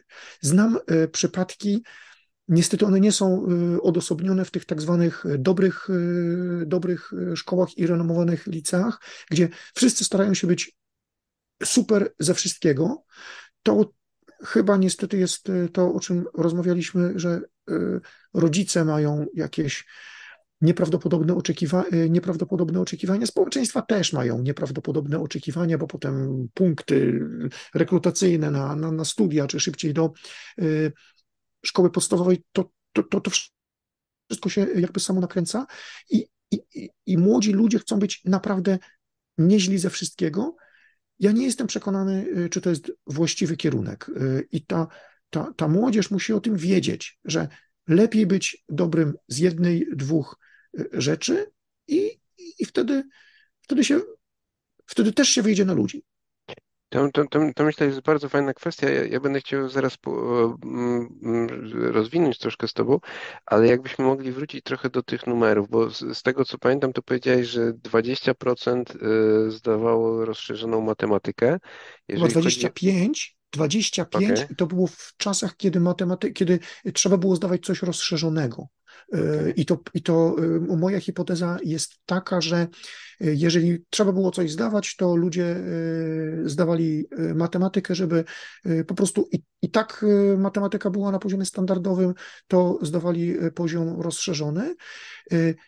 No ja najbardziej byłem rozczarowany, że fizyka to teraz nie pamiętam, ale to był poziom chyba poniżej 10%, a jak tworzyłem ten model, czyli model rozszerzonych, rozszerzonych zdolności i tych zdolności, nazwijmy to standardowych, to myślałem, że to mi się zamknie w takim standardowym modelu Pareto 80 do 20. No mhm. nie zamknęło, poza matematyką się nie zamknęło. No właśnie, bo ja chciałem tutaj nawiązać do tego Pareto, bo e, wspominałeś to, mm, ten czas i ten pieniądz potrzebny do tego. Bo co jeżeli byśmy podeszli do tego tak to, totalnie Pareto, na zasadzie załóżmy, no nie wiem, mamy te 20% tych, tych, tych ludzi zainteresowanych tematem, 80%, którym dajemy ten standard. Idealnie, jeżeli można było, tak jak wcześniej mówiłeś, że jeżeli chodzi o fizykę, na przykład załatwiamy to jakimiś eksperymentami, które możemy ludziom pokazać, które łatwo są w stanie zrozumieć. No i teraz pytanie, czy my bylibyśmy w stanie to zrobić tak, że na te 80% osób niezainteresowanych tematem jesteśmy w stanie poświęcić 20% czasu i, i to nam da radę, a na, na tych zainteresowanych 20% z kolei poświęcamy 80%. Myślisz, że to byłoby wykonalne? Da radę. My w Wolnej Szkole Jagiellończyk może y, y, z zupełnie innego powodu, ale tak, tak mniej więcej robimy. To znaczy każdy przedmiot, y, który jest w podstawie programowej, poza takimi no, no ekstremalnie podstawowymi przedmiotami, jak język polski, język angielski, matematyka i drugi język nowożytny, który w, w naszym przypadku y, jest językiem hiszpańskim, y, a także y, zajęcia sportowe po prostu. One są realizowane cały rok. Wszystkie inne przedmioty są realizowane w takich ośmiotygodniowych sezonach Teraz trudno mi to policzyć, ale przyjmijmy, że ośmiotygodniowy sezon to jest mniej więcej to 20%. To 20%. I każdy uczeń e, realizuje no, na przykład moją fizykę w ciągu tych 8 tygodni. E, ja mam przygotowany program nauczania na 8 tygodni. Na, e, oczywiście lekcje realizujemy standardowo, ale wspieranie jest platformą Moodle, o której już mówiłem i, i to jest ten standard. Każdego zapraszam e, na e, zajęcia e, dodatkowe, które jestem w stanie realizować przez cały rok. W praktyce nie ma tak naprawdę potrzeby realizowania tego przez cały rok, bo konkursy przedmiotowe i olimpiady w tym ostatnim sezonie, czyli ostatnie 8 tygodni roku szkolnego, nigdy nie są realizowane, bo wtedy już wszyscy myślą o egzaminach, o lepszych ocenach i, i, i po prostu o wakacjach, ale nie ma żadnego problemu, żeby tak to było realizowane. Czyli odpowiadając na pytanie, technicznie da się to zrobić, mm, systemowo też, w szkole nie dłużej. W dużej szkole pewnie by się to dało zrobić przy poważnej zmianie e, systemu tej całej biurokracji i, i, i, i tego wszystkiego. E, dodatkowo ja tak naprawdę powiedziałem tylko o jednym wymiarze tych, y, ten, ten standardowy i rozszerzony, ale y, każdy z nich ma jeszcze drugi wymiar, czyli uczniowie standardowi bardzo, bardzo często traktują, no w moim przypadku fizykę, ale to może być dowolny inny przedmiot, historia, WOS, język polski, jako swego rodzaju hobby. No i na przykład nie będą nigdy wybitnymi studentami filologii, ale na przykład chcą się e, rozwijać w pisaniu e, esejów. E, I, mm, i, i takie hobbystyczne zajęcia, czy to w, w naszej szkole, czy po, jako zajęcia pozaszkolne, również powinny być oferowane w społeczeństwie. W Wolnej Szkole Jagiellończyk są zajęcia fakultatywne, każdy, każdy uczeń w danym sezonie pięć takich zajęć e, realizuje, e, a e, astronomię, którą ja się zajmuję, prowadzę w Kaliszu takie koło astronomiczne, które ma co tydzień zajęcia i tam przychodzą zarówno dzieci, jak i, jak i starsi uczniowie. Niestety tych starszych uczniów jest zwykle mniej niż dzieci, ale bardzo się, się cieszę, że mamy grupę dorosłą, na którą przychodzą osoby starsze i, i sobie o tej astronomii rozmawiamy hobbystycznie. E, jeśli chodzi o grupę rozszerzoną, e, no to e, wraz z rozwojem tej, tej, tej wiedzy dana, dany uczeń może trafić no już naprawdę na, na jakieś wybitne zajęcia, no to, to już wtedy akurat jeśli chodzi o fizykę i astronomię, to mam jest w Polsce, są w Polsce możliwości e, uczestnictwa, czy to bezpłatnego, czy nie, niezbyt drugiego w takich wyjazdowych e, kursach organizowanych przez różnego rodzaju uczelnie albo e, organizacje, gdzie można już naprawdę na poziomie czy to ostatnich klas podstawówki, czy liceum zasięgać wiedzy praktycznie akademickiej, y, no i to, i to, i to jest ok. To jest ok, tylko znowu musi być w szkole osoba, która poprowadzi takiego, y, taką uczennicę czy takiego ucznia y, od poziomu tego standardowego poprzez rozszerzony, no już po taki, można powiedzieć, prawie, prawie akademicki. To, to da się zrobić, tylko no, no, trzeba trochę chcieć. Okej, mi, mi się podoba to, co powiedziałeś z tym podejściem takim hobbystycznym. Ja, ja, ja, to, ja to wręcz bym nazwał zajawkowym. I tu chciałbym wrócić do tego, co mówiłeś wcześniej, o tym potencjalnym wcześniejszym, może nie tyle profilowaniu e, ludzi na to, co, czy tam dzieci na to, co chciałyby robić w późniejszym życiu, bo to mówi, e, wspominałeś, że, że, że można by to zrobić wcześniej, żeby tą indywidualizację zapewnić, ale ja przez długi czas miałem taki pomysł, żeby zrobić dla, dzie dla, dzieci takie miejsce, gdzie mogliby spotkać ludzi dorosłych e, robiących coś, żeby potem mogli sprawdzić, czy oni też może chcieliby coś takiego zrobić e, w życiu. Ja, ja to tam nazywałem chyba festiwal zajawek, a żeby właśnie mogli sobie, nie wiem, spotkać prawnika, który by postarał się, to też byłoby trudne znaleźć takich ludzi, co są w stanie sześciolatkowi wytłumaczyć, e, czym, czym oni się zajmują, ale e, ja na przykład z dziećmi czytałem takie książki, mam przyjaciela, nie wiem, policjanta, mam przyjaciela śmieciarza, jest taka seria cała.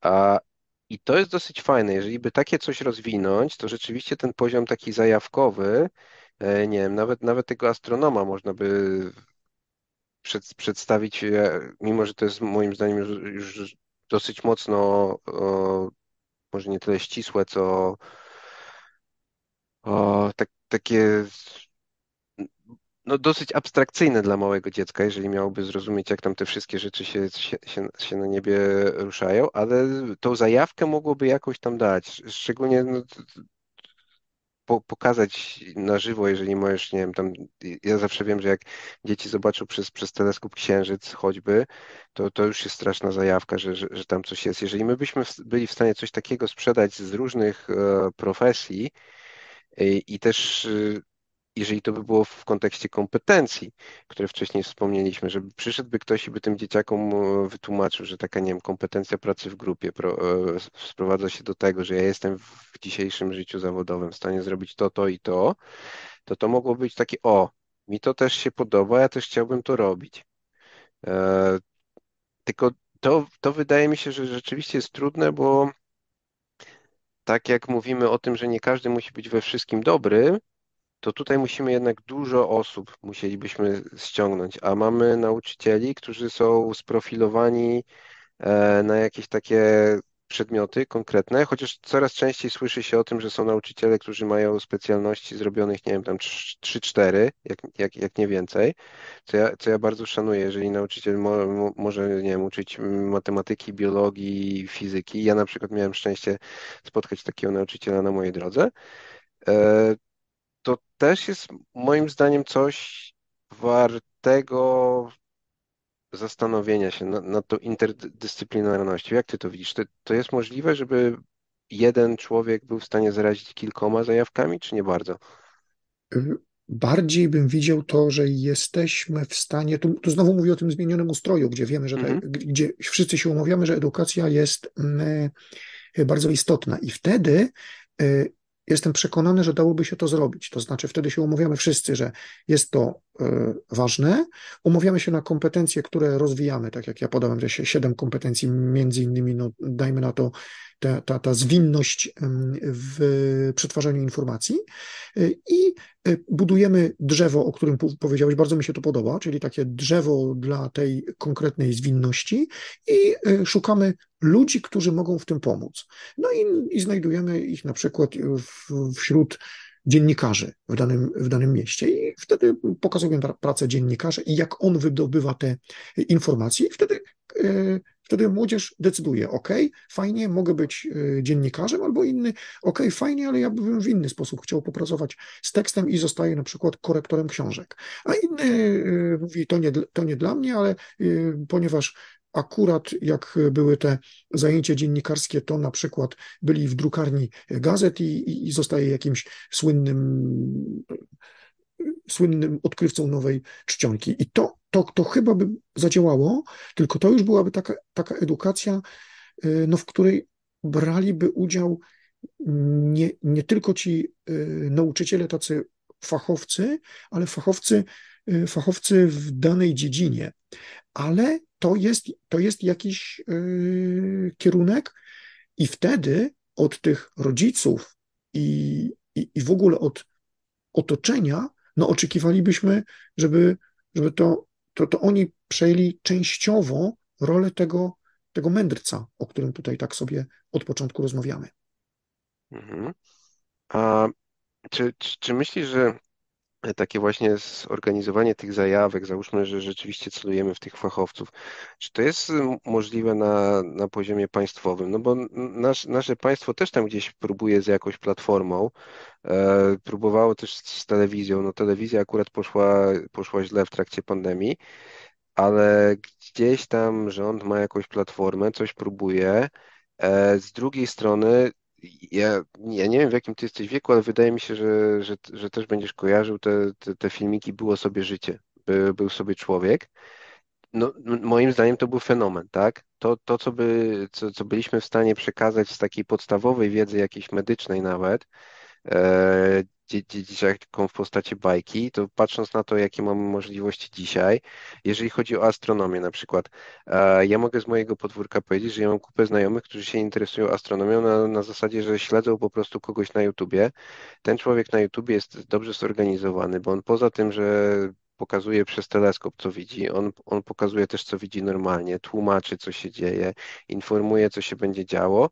Czy, czy uważasz, że bylibyśmy w stanie bez takiego fizycznego dostępu do człowieka e, sprzedać ten taki poziom zajawkowy, standardowy? Pewnie tak. To znaczy, to by trzeba było chyba jakoś połączyć, że na przykład, y, jeżeli sobie wyobrażamy, że istnieje taka, nazwijmy to platforma, to y, część rzeczy mogłaby być realizowana dokładnie w taki sposób. Ja oczywiście pamiętam, y, było sobie życie, był sobie człowiek. Pamiętam też inny fenomen, i, to był fenomen. Było coś takiego, co się nazywało telewizyjne technikum rolnicze, gdzie mhm. uczniowie szkół rolniczych z miejscowości bardzo oddalonych od, y, od szkół, y, a jednocześnie y, to, był, to, był, to była młodzież, która po prostu ze względów oczywistych musiała pomagać rodzicom w gospodarstwie. Oni nie jeździli codziennie do szkoły, tylko mieli lekcje, można powiedzieć, przez telewizor. Do końca nie wiem, jak to, ja, ja, trochę się z tego śmiałem w tamtych czasach, ale nie wiem do końca, jak to było zorganizowane na, na poziomie y, sprawdzianów, egzaminów i całej tej, tej biurokracji, która na pewno wtedy istniała, może nawet bardziej niż teraz, ale, ale było coś takiego.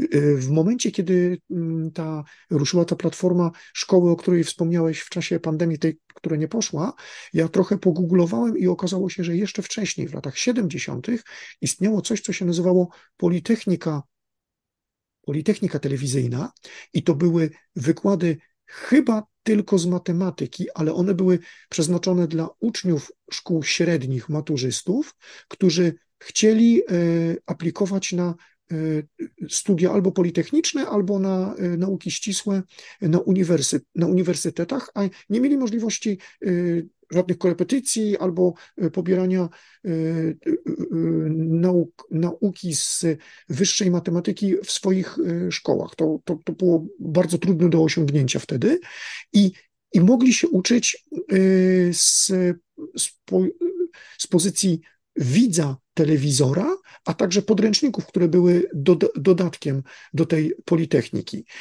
Ja to, o tym się dowiedziałem tylko z internetu, jak pytałem znajomych rodziców, którzy wtedy aplikowali na Politechniki, to oni tego nie pamiętali. To znaczy, oni w tym udziału nie brali, ale to, to było dostępne już 50 lat temu. To, to, to jest bardzo interesujące to, co powiedziałeś o tej Politechnice i to nam tak trochę wraca tutaj do tego tematu, który żeśmy trochę odłożyli, czyli tego, tej rekrutacji choćby na studia, tak, czy do kolejnych etapów nauki, bo tutaj e, mówiliśmy, że, że, znaczy mówiłeś, że, że ta Politechnika przez, przez telewizję tutaj pomagała trochę w tym przygotowaniu.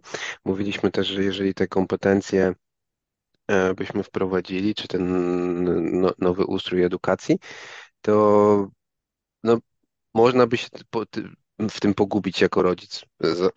Tak, tak, tak mi się wydaje, bo po prostu nie wiemy, jakie są do końca są reguły gry, szczególnie jeżeli chodzi o tą e, rekrutację na te kolejne etapy edukacji. No, a to się dzieje. To, by, była mowa o tym, tak, że ty, ty mówiłeś, że użyłeś sam sformułowania dobra szkoła, tak? To prawda było w takim kontekście, że dobra szkoła i ktoś jest dobry ze wszystkiego, no to, to, to się zgodzę z tym, że, że, że, to, że to raczej nie tędy droga i fajnie, jakby młodzi ludzie o tym wiedzieli, ale je, jeżeli byłoby rzeczywiście tak, że chcemy zmienić to, to, to, to jak wprowadzić tą zmianę, żeby rodzice nagle nie, nie byli tym hamulcowym, który mówi o nie, nie, nie, nie, nie, nie, bo ja nie będę wiedział, co zrobić, żeby mojemu dziecku zapewnić dobrą przyszłość. Można to jakiś pomysł? Mm, jeśli chodzi o e, rekrutację do obecnych typów e, szkół, czyli tych, nazwijmy to, mm, dobrych e, liceów i na, na dobre ucze, uczelnie, to, to tu właśnie chyba nie mam, chyba nie mam jakiegoś takiego zdania, które byłoby jednoznaczne, czyli jak ja szedłem do liceum, to był rok 1993, to po prostu miałem egzaminy do liceum. Y, co więcej, y, wynik, to jest bardzo ciekawe, y, dzisiaj już nikt o tym nie pamięta, ale wynik tego egzaminu de facto determinował, jaką będę zdawał maturę. Czyli ja aplikowałem do klasy matematyczno-fizycznej, dostałem się do tej klasy, podobnie jak moi koledzy i koleżanki z czwartej D klasy matematyczno-fizycznej pierwszego liceum ogólnokształcącego w Grudziądzu. I, i, o, już... ojej, przepraszam, ja tutaj, tutaj muszę przerwać, bo jedynka w Grudziądzu to ja same dobre rzeczy i samych dobrych ludzi po tym znam. Także to, to, to naprawdę jest dobra szkoła. A to, to dziękuję, y, y, y, dziękuję bardzo. Czasem się spotykamy, więc społecznie też wszystko w porządku. E, a jeśli chodzi o, o, właśnie, my już w pierwszej klasie liceum wiedzieliśmy, że maturę w czwartej klasie będziemy zdawać rozszerzoną z matematyki, to nawet, nawet nie było z technicznego technicznego wyboru nie było. Po prostu klasa matematyczno-fizyczna otrzymywała arkusze rozszerzone i koniec. I i tak było. Potem y, ja y, na, y, na, studia to już poszedłem tak, można powiedzieć, po najmniejszej linii oporu, czyli poszedłem na fizykę do Torunia, gdzie mm, egzaminu de facto nie było, a, a, nawet gdyby był, to ja po olimpiadzie astronomicznej i tak bym, go, i tak bym tego egzaminu nie zdawał. Ta najmniejsza linia oporu wynikała Chyba z tego, że Toruń był blisko y, i w dalszym ciągu jest blisko Grudziądza, czyli wsiadałem w pociąg, jechałem i już byłem y, na, na studiach. Bardzo miło wspominam y, pięć lat studiów w Toruniu, ale, ale nawet gdyby ten, ten egzamin był, ja nie mam jakiegoś takiego wyrobionego zdania, co jest lepsze, czyli czy ten wynik matury, czy ten wynik egzaminu. Ja spotykałem się wtedy jako e, świeżo upieczony maturzysta z takimi e, głosami różnych moich koleżanek i kolegów, którzy aplikowali na różne e, studia, mówili, o, ty się tą maturą tutaj tak przejmowałeś, przecież wszystko poszło dobrze, zresztą wszystkim poszło dobrze, my dopiero na egzaminy na studia, to był stres, bo to jedzie się do innego miasta, komisja jest kompletnie tobie nieznana, nie wiadomo, czy jest tobie przyjazna, czy nieprzyjazna, prawdopodobnie mniej przyjazna, ale ale patrząc na to, co się dzieje teraz, to, to teraz nawet my nie jesteśmy w stanie stwierdzić, jaka jest ta komisja, bo to, bo to wszystko jest tak tajne, że tam nikt nic nie wie. Więc nie mam, nie mam po prostu y, zdania, nawet, nawet gdybyśmy wrócili do systemu y, tych typowych egzaminów, no to po prostu byśmy do tego wrócili i chyba dałoby się y, po roku, dwóch jakoś przyzwyczaić i, być może na początku byliby jacyś hamulcowi, ale, ale to chyba to, to chyba nie jest w tym wszystkim najważniejsze. Najważniejsze znowu jest przekonanie y, wszystkich, poczynając od uczniów, poprzez rodziców, a na ogóle społeczeństwa kończąc, że, że jeżeli my się umawiamy na to, że chcemy rozwijać kompetencje XXI wieku i chcemy jak najlepiej dla y, młodych ludzi, żeby oni odnale odnaleźli się w tym społeczeństwie, no to, to naprawdę poza przypadkami szczególnymi, kiedy ktoś już wie, że chce kończyć super, najlepszą y, uczelnię amerykańską za ciężkie pieniądze, nie wiem, i pójdzie na Stanford. Y, poza takimi naprawdę szczególnymi przypadkami, y, a po tym Stanfordzie będzie wybitnym prawnikiem na przykład, to, bo to tak trzeba dokończyć. To poza takimi szczególnymi przypadkami chyba to chyba nie jest naj, naj, najważniejsze. Najważniejsze powinno być to, żeby dany człowiek realizował swoje, konkretnie swoje y, marzenia i pasje, które potem y, no, zaowocują pracą zawodową, w której on będzie się realizował. I to jest, to, to chyba jest bardzo trudne do osiągnięcia gdzieś do 20 roku życia, tak, tak mi się wydaje. Yy, może nawet, może nawet później. Ja gdzieś w wieku 21, 22 lat raczej wiedziałem, że będę pracował w przemyśle i pracuję, i pracuję w tym przemyśle, pomimo, że studiowałem fizykę, po której wtedy do przemysłu szedł ułamek procenta. Teraz jest, e, teraz jest zupełnie inaczej. To są, to są e, studia inżynierskie, e, po których rzeczywiście idzie się do przemysłu. To, to, to były absolutnie inne czasy. No ale powiedzmy, że ja to, powiedzmy, że ja to wiedziałem, ale dopiero będąc na studiach, a, a nie na etapie wyboru studiów czy wyboru liceum. I, I to jest chyba element, który trzeba uświadomić. My, jako jednostki dojrzewające, dopiero na etapie takiego, no, zakoń, takiego zakończenia etapu dojrzewania, co już jest na studiach, yy, zaczynamy podejmować te konkretne decyzje. I to jest yy, egzamin maturalny, czyli moment matury i tego, tego, tego potu maturalnego, to jeszcze, tak mi się wydaje, to jeszcze chyba nie jest ten moment. No i tu mi się wydaje, że to nam się tak trochę składa, bo ty mówisz właśnie o podejmowaniu tej decyzji samodzielnie, o tym, że ten młody człowiek niekoniecznie jest w stanie ją podjąć, a z drugiej strony są ci rodzice, którzy mi się wydaje, że oni często wiedzą, e, co jest dobre dla, jego, e, dla, dla, dla ich dziecka i oni mają wyrobione jakieś tam poczucie. Na przykład mnie mocno boli fakt, że matematyka jest obrzydzana z pokolenia na pokolenie, chociaż uważam, że podobnie tak jak ty powiedziałeś, ten poziom standardowy jest do sprzedania całkiem miło e, wszystkim w społeczeństwie i nie musimy tego, te, tego obrzydzać, ale teraz w momencie, jeżeli ten, tak, ten rodzic, on on dobrze wie, czego to dziecko chce. Dziecko, dziecko nie wie.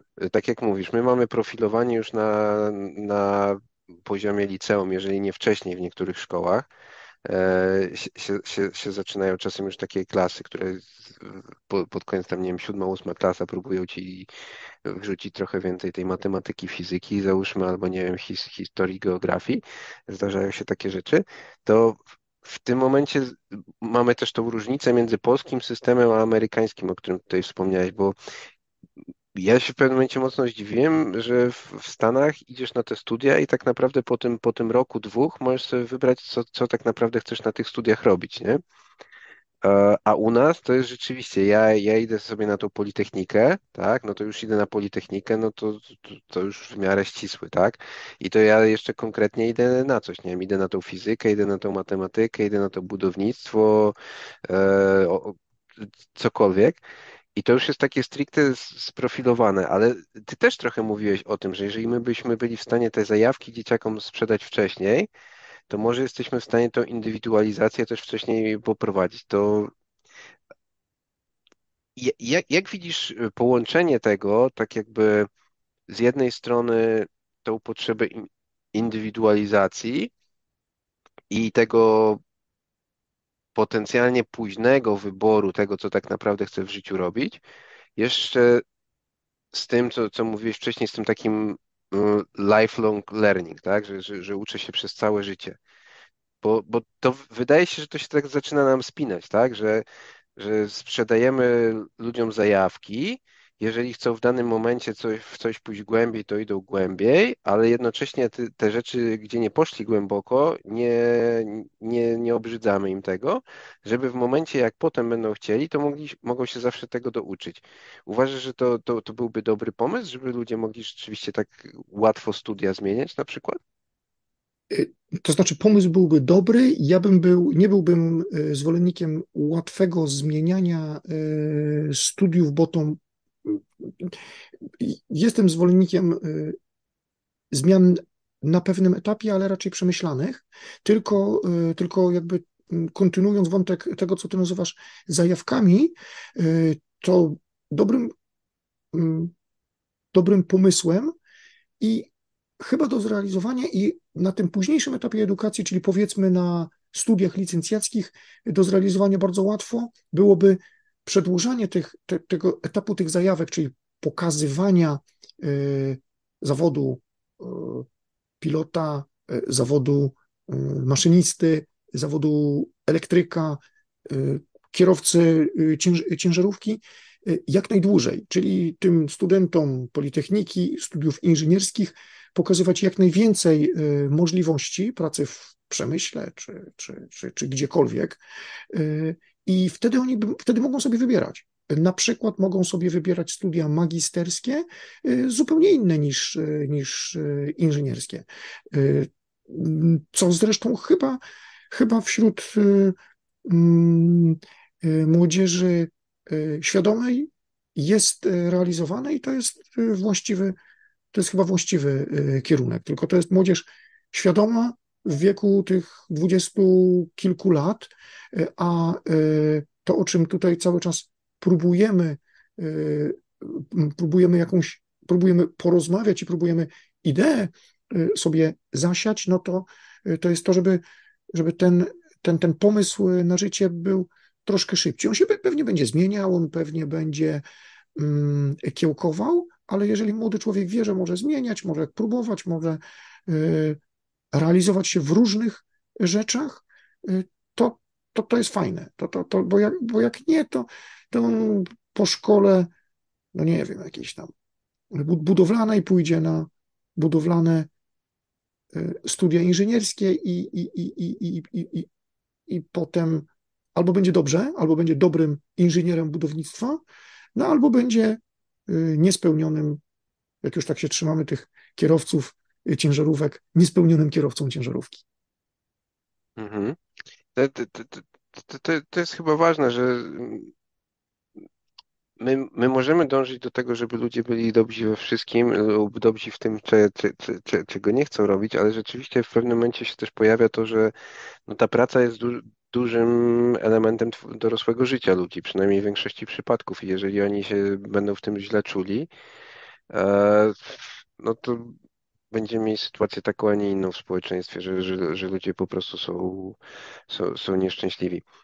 A, a jakbyś miał podpowiedzieć, nie wiem, rodzicom, e, co mogliby zrobić, żeby się tak troszeczkę no, skruszyć ten e, beton e, tego, jak oni rozumieją edukację, że, że na przykład, nie wiem, załóżmy, że, że jesteśmy rodzicami, którzy mają, nie wiem, tam te 30-40 lat, e, mają dzieci, które idą do szkoły i teraz co oni mają sobie tutaj e, w głowie ułożyć, jeżeli chodzi o szkołę, żeby, że, czy, czy oni powinni dalej myśleć tak jak, tak, jak myśleli oni, że może znaczy, że szkoła wygląda tak, jak oni ją kończyli, czy, czy, czy widzisz tutaj jakieś materiały, które byłyby wartościowe dla nich? Zdecydowanie będę się upierał przy tych kompetencjach XXI e, wieku, czyli zapomnijmy o tym, e, o tej szkole, e, gdzie są raz na zawsze dane kompetencje językowe, matematyczne i, i, to, i to, czego no, można powiedzieć, nas uczono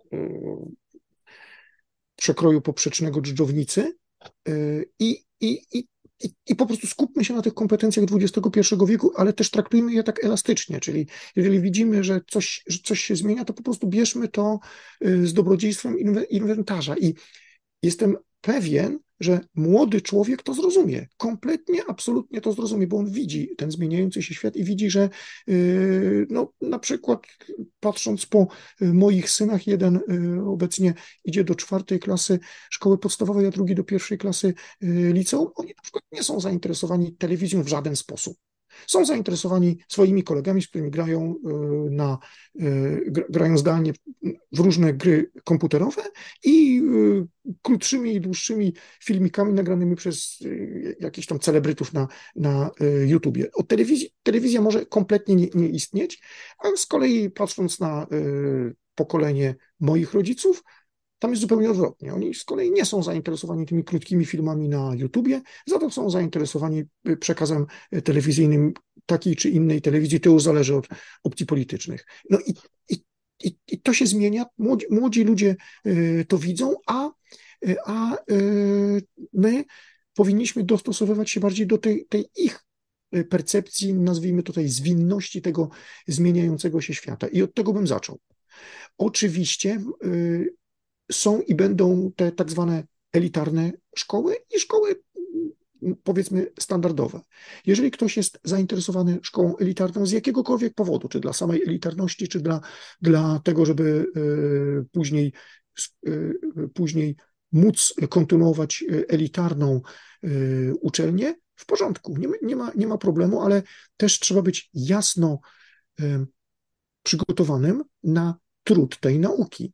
Ja mam wrażenie, że rodzice nie są y, na poziomie ósmej klasy przygotowani na trud nauki w pierwszej, drugiej, trzeciej y, y, czy maturalnej klasie elitarnego liceum, gdzie no łatwo nie jest.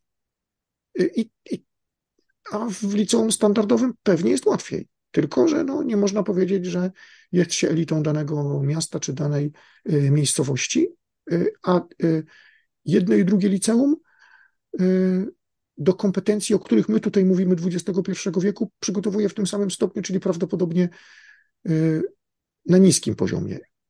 Stąd cały czas y, mówiąc o reformie, chciałbym, żebyśmy się wszyscy umówili na poziomie społeczeństwa, co tak naprawdę jest ważne. Jeżeli się umawiamy, że ważne są te oceny na egzaminie maturalnym, no to potem nie narzekajmy, że nie, nie potrafimy rozwiązywać problemów, w sposób zespołowy, co jest y, moim zdaniem dużo bardziej potrzebną y, kompetencją niż to wszystko, co wynosimy nawet z tych studiów y, inżynierskich. Oczywiście twarde umiejętności, które wynosimy jako elektrycy, informatycy i budowlańcy ze studiów inżynierskich są niezbędne po to, żeby to nasze społeczeństwo się rozwijało, ale do tego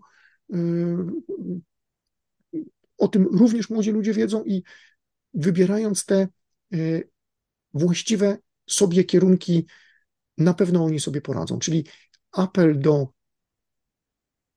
do, do wszystkich jest: uzgodnijmy jak, jakiś konkretny model edukacji, konsekwentnie go realizujmy przy yy, udziale nauczycieli, jednostek prowadzących szkoły, dyrektorów szkół, właścicieli szkół, y, a rodzi, rodzi, rodzice, jeśli już się umówimy na ten model, to naprawdę apeluję, nie przeszkadzajmy. Młodzi ludzie y, poradzą sobie. Tak, tak to widzę.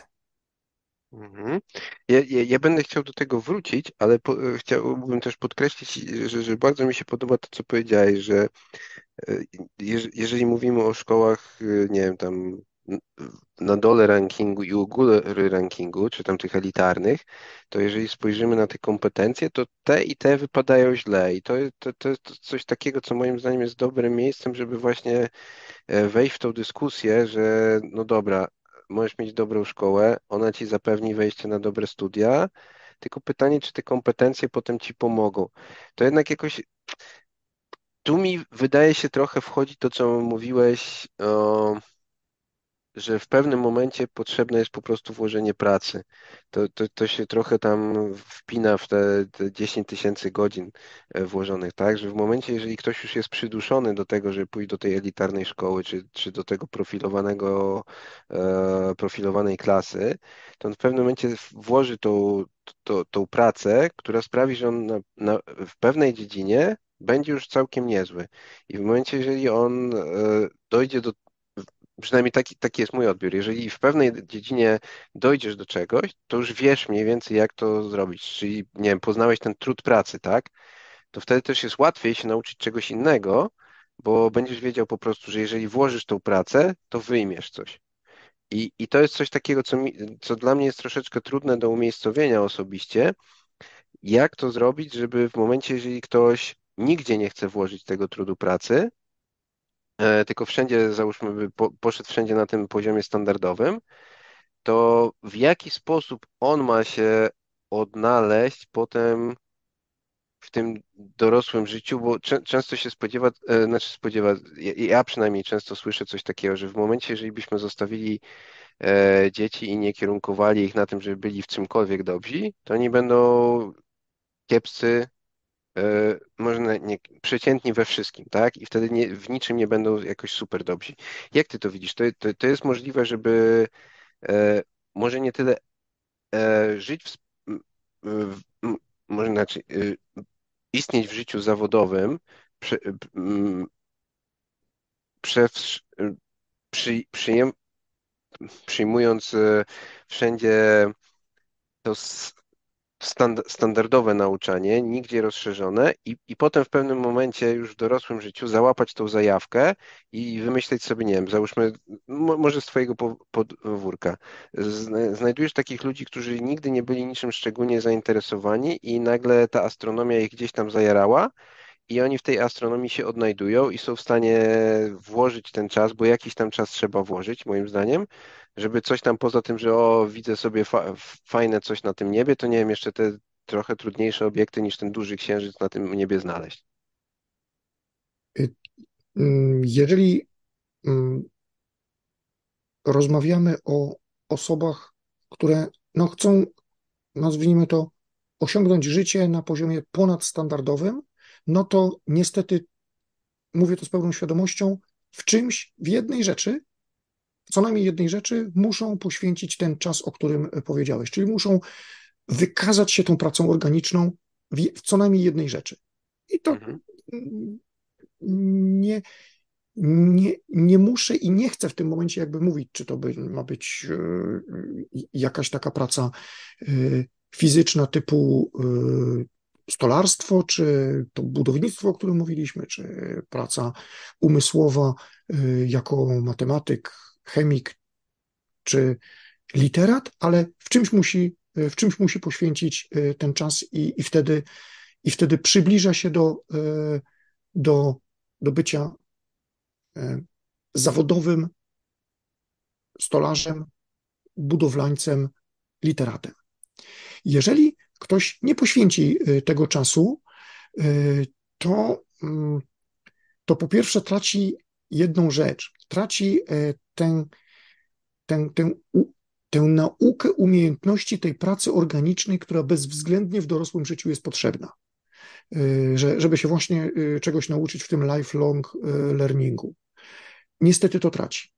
Ale w życiu zawodowym moim zdaniem niczego nie traci, bo znajdzie pracę gdzieś jako, jako taki standardowy operator czy standardowy asystent innej osoby. On zarobi powiedzmy poniżej średniej krajowej, ale więcej niż minimalna.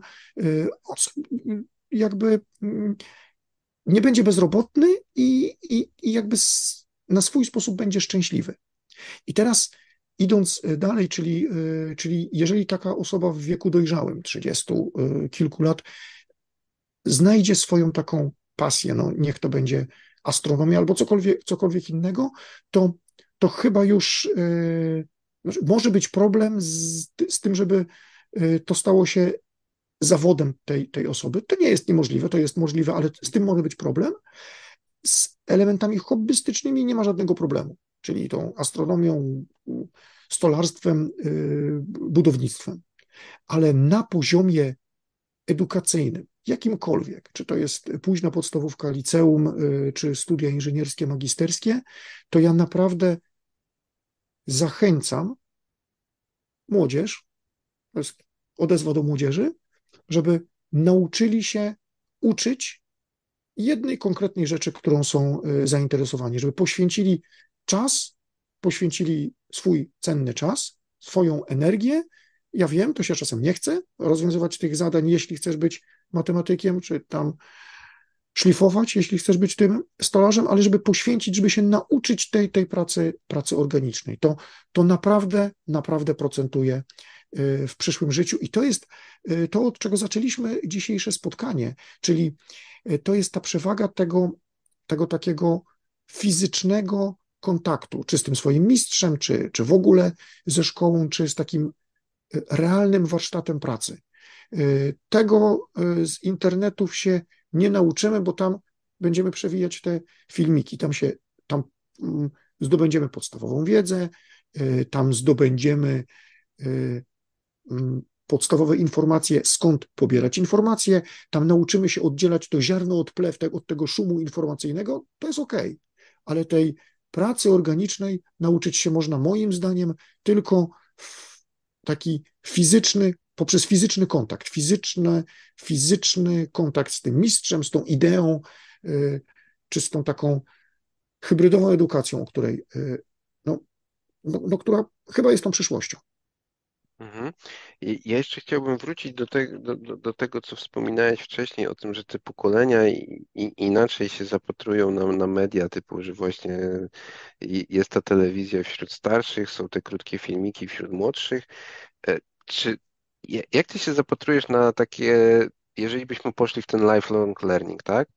E, że ludzie się uczą rzeczywiście razem międzypokoleniowo, bo my w szkole jesteśmy przyzwyczajeni do tego, że idziemy rocznikami. E, to jeszcze często jest rozstrzelone, że, że ktoś jest z grudnia, ktoś jest ze stycznia, e, czy, czy tam inna różnica miesięcy. Na, na pewnych etapach to jest dużo, na, na, na pewnych to już się w miarę wyrównuje, ale nie może z astronomią na przykład masz przykłady. Czy, czy, czy masz takie zajęcia na przykład, gdzie przy, przychodzą dorośli i dzieci i razem się czegoś uczą? Y, tak, akurat w astronomii mamy te mm, przykłady, bo tak jak powiedziałem, tak jak powiedziałem, y, mam przyjemność y, prowadzić koło astronomiczne, więc to to, to, to jest spokojnie do realizacji na tym poziomie hobbystycznym, o którym e, powiedziałem, e, ale e, także mam, mam doświadczenie w, takim, w takich szkoleniach, można powiedzieć, już bardzo technicznych rzeczy, takich bardzo potrzebnych, no powiedzmy, nie wiem, przedsiębiorcom, gdzie ludzie w bardzo różnym wieku razem wspólnie współpracują i jedni od drugich się uczą. Czyli może już to jest wiek po, po szkole, ale to nie jest, to, różnica wieku jest czasem olbrzymia i, i, i wszyscy to rozumieją. W szkole, o dziwo, y, im większa ta różnica, to, to, to nie wiem, więcej śmiechu, więcej takich, takiego y, nie, nie, niezrozumienia, y, ale są też przykłady zajęć, których byłem i jestem świadkiem takich fakultatywnych, gdzie wszyscy z całej szkoły mogą wziąć udział i nie ma tu jakiegoś większego kłopotu. Czyli ucząc się i, i, i realizując mm, tę misję lifelong learning, w żadnym wypadku bym nie, y, nie dzielił ludzi y, pod względem wieku w żaden sposób. Mhm.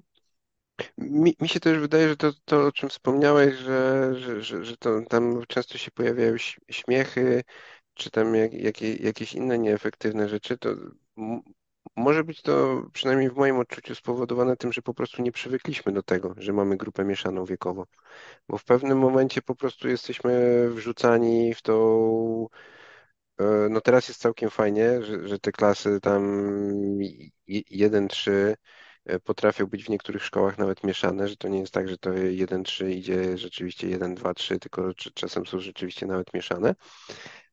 Ale im więcej tego będziemy robić, to wydaje mi się, to będzie bardziej e, naturalne dla nas. I ja, ja też bym sobie tego życzył dla naszego społeczeństwa, że, że moglibyśmy sobie usiąść razem, nie wiem, dziadki, rodzice, dzieci i razem stwierdzić, o, chcemy się czegoś nauczyć.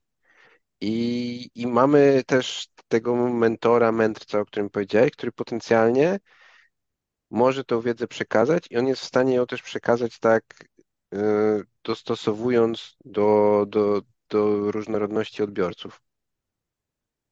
Tak, y, i to można łączyć, y, czyli dzieci mogą przygotowywać jakieś materiały, gdzie dorośli mogą się uczyć i dorośli mogą przygotowywać, dorośli nazwijmy to rozpoczynający swoją przygodę z jakimkolwiek e, tematem, niech już będzie to astronomia, e, mogą przygotow przygotować coś e, dla dzieci. I dzieci mogą wtedy oceniać przygotowanie tych, tych dorosłych. To da się, da się wszystko robić, oczywiście przy odrobinie chęci i takim szacunku i zrozumieniu. A tutaj już jest rola tego, nazwijmy to mędrca, żeby, żeby ta, mm, ta interakcja była w pełnym poszanowaniu jednych do drugich. Ale potwierdzam, absolutnie jest to do zrobienia. Trzeba po prostu trochę mm, chęci. I naprawdę ze wskazaniem na, na trochę, bo y, ma, mam kilkuletnie doświadczenie. W, w listopadzie będziemy obchodzić dziesiątą rocznicę naszego koła, dlatego y, chyba, chyba nam się to udaje. O, to, to, to brzmi bardzo optymistycznie. A jak już tak napomniałeś o tym swoim doświadczeniu, E, to skąd ty w ogóle się wziąłeś w edukacji? To dobre, bardzo pytanie. Jak byłem na studiach, to ja w, w ogóle nie myślałem o tym, że, że będę e, że będę miał cokolwiek wspólnego z edukacją. E, my na fizyce mieliśmy taki kurs mm, kurs nauczycielski. Ja się na niego nie wybrałem akurat dość, dość pragmatycznego powodu, akurat w czasie, kiedy ten kurs się odbywał przez dwa chyba semestry, to to był czas obiadu, ja wolałem wybrać e, obiad i kom, kompletnie o tym nie, nie, nie, nie myślałem. E, w, mie, w międzyczasie e, moja mama i moja siostra ukończyły uczelnię pedagogiczną i i to ja mówię, no dobra, to mam w rodzinie tu nauczycielki, okej, okay, nie, nic, nic nie będziemy, nic nie będziemy zmieniać. Trafiłem do przemysłu, po kilkunastu latach pracy w przemyśle zostałem e, poproszony o prowadzenie takich szkoleń e, w różnych e, fabrykach i wtedy zrozumiałem jedną istotną rzecz, że ludzie, czyli w tym konkretnym przypadku pracodawcy, są w stanie bardzo dużo wydać pieniędzy na szkolenia swoich pracowników, żeby zrobić coś w rodzaju takiej, takiego, takiej reedukacji. Czyli to, to nie była taka typowa reedukacja, czyli nie, nie uczyliśmy się na nowo pisać ani angielskiego, ani, ani mm, liczyć, tylko to była reedukacja konkretnych y, aktywności, konkretnych kompetencji potrzebnych w danym momencie danemu, pracownik, danemu pracownikowi u danego e, pracodawcy, ale to był typowy proces e, reedukacji. E, ludzie w większości przypadków byli na pierwszym szkoleniu od czasu zakończenia swojej szkoły tam zawodowej czy, czy technikum. I to był taki pierwszy, pierwszy moment. Ja tego się bardzo obawiałem. Mówię, kurczę, nigdy nie chciałem niczego uczyć, a tutaj mam szkolić. No ale dobra. Było bardzo fajnie. I, I do tego stopnia mi się to spodobało, że jako taki, tak, takie dodatkową, dodatkowe zajęcie poza e, normalną zawodową pracę e, wybrałem e, edukację astronomii. A astronomia to jest taka ciekawa rzecz, jeśli chodzi o edukację, że od, od 40 lat nie jest oddzielnym przedmiotem w szkole, bo kiedyś była oddzielnym przedmiotem chyba w naturalnej klasie albo w trzeciej klasie e, liceum, ale od 40 lat w ogóle nie ma takiego przedmiotu w szkole. Pewne elementy astronomii e, wtedy były w gimnazjum na geografii, a w liceum na fizyce. Teraz jest to troszkę podzielone, ale, ale generalnie na innych przedmiotach elementy astronomii są w szkole, ale to są naprawdę, naprawdę elementy. Astronomii nie ma. Więc ja się jakby dostawałem do szkół, można powiedzieć, bocznymi drzwiami i uczyłem zarówno przedszkolaków, jak i szkoły podstawowe. Wtedy jeszcze były gimnazja, gimnazjalistów i szkoły średnie astronomii na takim poziomie naprawdę bardzo, bardzo, bardzo, bardzo, bardzo podstawowym. To się wszystkim podobało, czyli zarówno uczniom, rodzicom, nauczycielom, dyrekcji, y, wszystkim się to y, podoba. Do dzisiaj realizujemy to jako Astro Arena, tak jak mnie ładnie wprowadziłeś, realizujemy to na różnym poziomie y, nauczania. I w międzyczasie otworzyłem koło astronomiczne dla wszystkich zainteresowanych w Kaliszu. Nawiązałem także współpracę ze szkołą Jagiellończyk, gdzie realizowałem na początku zajęcia dodatkowe z astronomii raz w tygodniu, a w pewnym momencie uczniowie szkoły byli już na tyle duzi, że poszli do siódmej klasy podstawówki i, i wtedy zdecydowałem się uczyć fizyki e, w szkole Jagiellończyk. Na początku to był model standardowy, czyli e, przez e, całe dwa semestry klasy siódmej, potem dwa semestry klasy ósmej. Potem zostało to zmienione w wolnej szkole Jagiellończyk, że w, w każdym roku szkolnym jest to jeden sezon ośmiotygodniowy fizyki w klasie siódmej y, i jeden sezon ośmiotygodniowy w klasie ósmej, i potem jest to kontynuowane y, w liceum. Oczywiście dla tych uczniów, którzy wybierają y, rozszerzoną fizykę na maturze, to to jest realizowane w cyklu tygodniowym przez cały, przez cały rok. I, tak naprawdę stąd, stąd to się wszystko mniej więcej wzięło. Ja zanim jeszcze zacząłem uczyć w szkole, no to musiałem ukończyć ten kurs pedagogiczny, którego nie ukończyłem.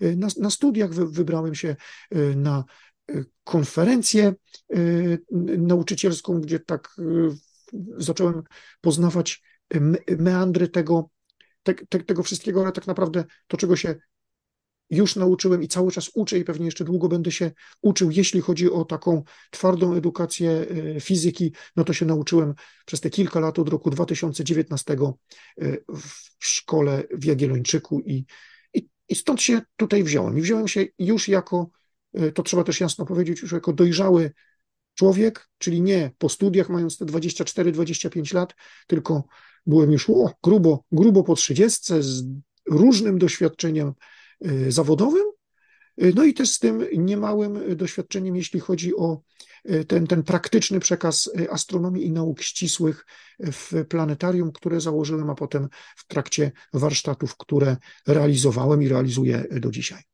Okej, czyli, czyli Twoje doświadczenie jest takie, powiedziałbym, zbliżone do Ma Marcina Stiburskiego, którego tutaj wprowadzam ze względu na to, że nam się udało nawiązać kontakt na, na grupie Szkoła Minimalna, którą Marcin założył. I mi się wydaje, że to jest do, dosyć ciekawe miejsce, aczkolwiek tam tam, tam czasami jest bardzo szeroko, czasami dość kontrowersyjnie, ale jednak trochę w temacie tej edukacji można znaleźć. Ale chciałbym Ciebie zapytać, y, jakie inne miejsca w internecie byś po, poradził y, ludziom interesującym się lub chcącym po prostu zgłębić e, swoją wiedzę odnośnie, jak mogłaby wyglądać edukacja? No tu właśnie chyba za bardzo nie będę oryginalny, bo ja, y, ja bym polecił właśnie przede wszystkim szkołę minimalną, przy czym y, no, rzeczywiście trzeba, y, trzeba potrafić odróżnić te tematy, które, które jakby są interesujące od tych tematów, które, no nie wiem, są takim hejtem albo w ogóle pytaniami, które w ogóle nie powinny się tam e, znaleźć. Ale to, e, co rzeczywiście można znaleźć na szkole minimalnej wraz z odnośnikami do innych e, stron albo grup, jest bardzo, bardzo cenne i, i osobiście cenię sobie bardzo wypowiedzi właśnie Marcina Stiburskiego i Tomasza Tokarza. Także zdecydowanie polecam szkołę minimalną. Jeśli zaś chodzi o to, o to, skąd ja się wziąłem i i to takie, to takie e, stopniowe przechodzenie od no powiedzmy szkoleń mm, w różnych organizacjach do, do po prostu szkolenia uczniów w ramach e, lekcji czy w ramach zajęć poza, e, pozalekcyjnych, to, to chciałbym może tak troszeczkę kontrowersyjnie zaproponować różnego, różnego rodzaju materiały, które są pomocne dla przedsiębiorców po prostu. I e, jednym z takich materiałów bardzo obszernym e, jest e, pozycja, która się nazywa Doktryna jakości, rzecz o turkusowym zarządzaniu profesora Andrzeja Blikle. Książka chyba jest darmowo dostępna w internecie, jest również płatna, płatne wydanie książkowe, ale to internetowe jest naprawdę, naprawdę świetne. Profesor Blikle jest profesorem matematyki, informatykiem, który od lat, e, który przez lata prowadził własne przedsiębiorstwo cukiernicze i, i, i on zajmuje się taką, takim szeroko pojętą wiedzą o zarządzaniu, ale tam jest cała masa wiadomości o edukacji dorosłych ludzi. I to jest, i to jest o tyle dobre, że dowiadujemy się wielu rzeczy, na przykład o tym, o, taka przypowieść o kiju i marchewce, Czyli czym jest marchewka, e, mm, czy to dla przedsiębiorcy i jego pracowników, możemy sobie to rozszerzyć na nauczyciela i uczniów. No i pan profesor odpowiada, że marchewka za każdym razem jest tylko po to, żeby w pewnym momencie zrobić z niej kij. Polecam doktrynę jakości e, profesora Bliklego. Ja już kilka razy słyszałem polecenie tej książki. Niestety jeszcze do niej nie sięgnąłem, ale to kolejny powód, by sięgnąć. Tym bardziej, że fajnie się ją czyta, bo tam nie, nie, trzeba je czytać od deski do deski, można sobie wybierać rozdziały, zresztą pan profesor tak poleca. Mhm. E, kolejną, e, kolejną pozycją, to już dotyczącą tej, tej naszej tutaj e, dyskusji takiej, można powiedzieć, około politycznej, czyli jaki ustrój, jak powinien być skonstruowany ustrój, żeby edukacja grała, jeśli nie pierwsze skrzypce, to jakiś słyszalny instrument w tej orkiestrze, to jest całkiem nowa pozycja książkowa, to jest to jest książka wielu autorów, ona się nazywa Umówmy się na Polskę. Ja ją e, znam z polecenia jednego ze współautorów tej książki, e, profesora Antoniego e, Dudka, ale tam, tam jest wielu autorów. O edukacji jest także. O też też o tym słyszałem i też jeszcze nie czytałem. To, no, to, to chociaż y, y, y, wspierasz mnie w tym, że, że nie podaję jakichś, jakichś książek kompletnie z kosmosu. Mhm. O, o, samej takiej edukacji to nie chciałbym niczego super za bardzo polecać, bo, bo tak jak powiedziałem, ja, ja, ja sam się uczę cały czas, cały czas tego wszystkiego. Myślę, że taki pakiet wystarczy. Szkoła minimalna z tym takim odsiewaniem ziarna od plew i te dwie e, pozycje, które na pozór nie mają za wiele z edukacją wspólnego, ale jak się e, uważny czytelnik przyjrzy, to mają bardzo, bardzo dużo. Okej, okay, ja, ja, myślę, że już i tak dzisiaj długo rozmawialiśmy, więc e, po, po, powoli zbierajmy się tutaj do końca. Czy chciałbyś, żeby ewentualni słuchacze byli w stanie z, się z Tobą skontaktować? Jeżeli tak, to w jaki sposób? Bezwzględnie w każdy czwartek jestem obecny w Kaliszu w akceleratorze kultury. E, od godziny 17 do 19 mamy zajęcia e, koła astronomicznego e, i skontaktować się można ze mną przez trzy strony internetowe. Pierwsza to jest firmowa www.astroarena.pl, druga to jest Fundacji Karola Malaperta www.malapert.pl. Fundacja Karola Malaperta jest instytucją prowadzącą y, koło astronomiczne Malapert, o którym przed chwilą powiedziałem, a jeśli ktoś jest zainteresowany takim prywatnym kontaktem, to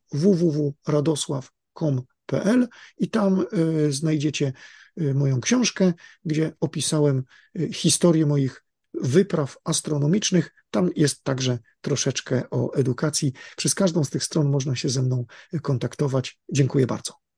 Jakbyś chciał coś powiedzieć o tym Astrolabie, to, to, to, to, to czy, czy co tam oferujecie, to proszę rozwiń. Chyba, że nie masz ochoty i zachęcasz po prostu ludzi, żeby sami przeczytali tam na stronie. To znaczy, za, y, za, zachęcam w ogóle do spojrzenia w niebo, czyli do y, y, rozszerzenia naszej percepcji z takiej antropocentrycznej na cały, na cały wszechświat. I wbrew pozorom, gołym okiem widać całkiem nieźle. Przez małą lunetkę albo lornetkę widać już coraz więcej. I tak jak powiedziałeś, przez te, spojrzenie na Księżyc przez teleskop całkowicie zmienia e, perspektywę. E, gołym okiem poza Księżycem na niebie widzimy oczywiście gwiazdę, to jest dość, oczywi- to jest dość jasne dla każdego. Mniej osób wie, że e, część planet, czyli Merkurego, Wenus, Marsa, Jowisza i Saturna widać całkiem nieźle na wieczornym niebie, a już w szczególności jasne planety takie jak Wenus i Jowisz to już widać w ogóle, w ogóle super. Nie, nie cały czas, ale widać, widać fajnie. Wraz z kolegą Danielem prowadzimy firmę Astro Arena. Daniel jeździ z przenośnym planetarium po szkołach, po różnego rodzaju imprezach plenerowych i, i, i zna, zna, się na tym, bardzo lubi dzielić się swoją wiedzą i pasją, także zapraszam www.astroarena.pl, a ja specjalizuję się w wykładach i warsztatach astronomicznych, do których także zapraszam. Kontakt, tak już mówiłem, astroarena.pl.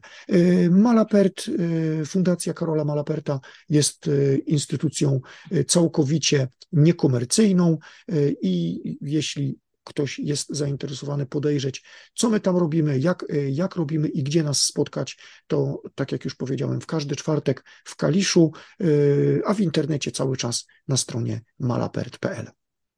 Super. To może jeszcze jakieś pożegnalne słowa? E, co, czy może chciałbyś coś przekazać słuchaczom lub o, o, o coś ich poprosić? Tak naprawdę, y, jeśli mamy się na coś umówić, y, to, to umówmy się na to, że każdy pomyśli, y, jaką małą cegiełkę do tej zmiany w edukacji mógłby, mógłby włożyć. Ja włożyłem ten mój model edukacyjny, który, na, który nazwałem modelem standardu i rozszerzenia, o czym y, przez kilkadziesiąt minut tutaj sobie rozmawialiśmy, ale proszę pamiętać, że ten standard i rozszerzenie ma jeszcze drugi wymiar, czyli ten wymiar hobbystyczny, każdy może y, mieć jakieś hobby y, i wymiar tego, ten ekspercki, który w szkołach jest realizowany na poziomie konkursów olimpiad astronomicznych już na naprawdę wysokim poziomie. To jest taki mój wkład w tę cegiełkę rozwoju edukacji. Okej, okay. czyli zastanówcie się, jaką cegiełkę wy możecie włożyć i wkładajcie. Dzięki. Dziękuję bardzo za zaproszenie. Jeśli dosłuchaliście do tego miejsca, to jest duża szansa, że coś Wam się spodobało. Jeśli rzeczywiście tak jest, to byłbym wdzięczny, jeśli zechcielibyście podzielić się wrażeniami ze swoimi znajomymi w social mediach. Dzięki i mam nadzieję do usłyszenia.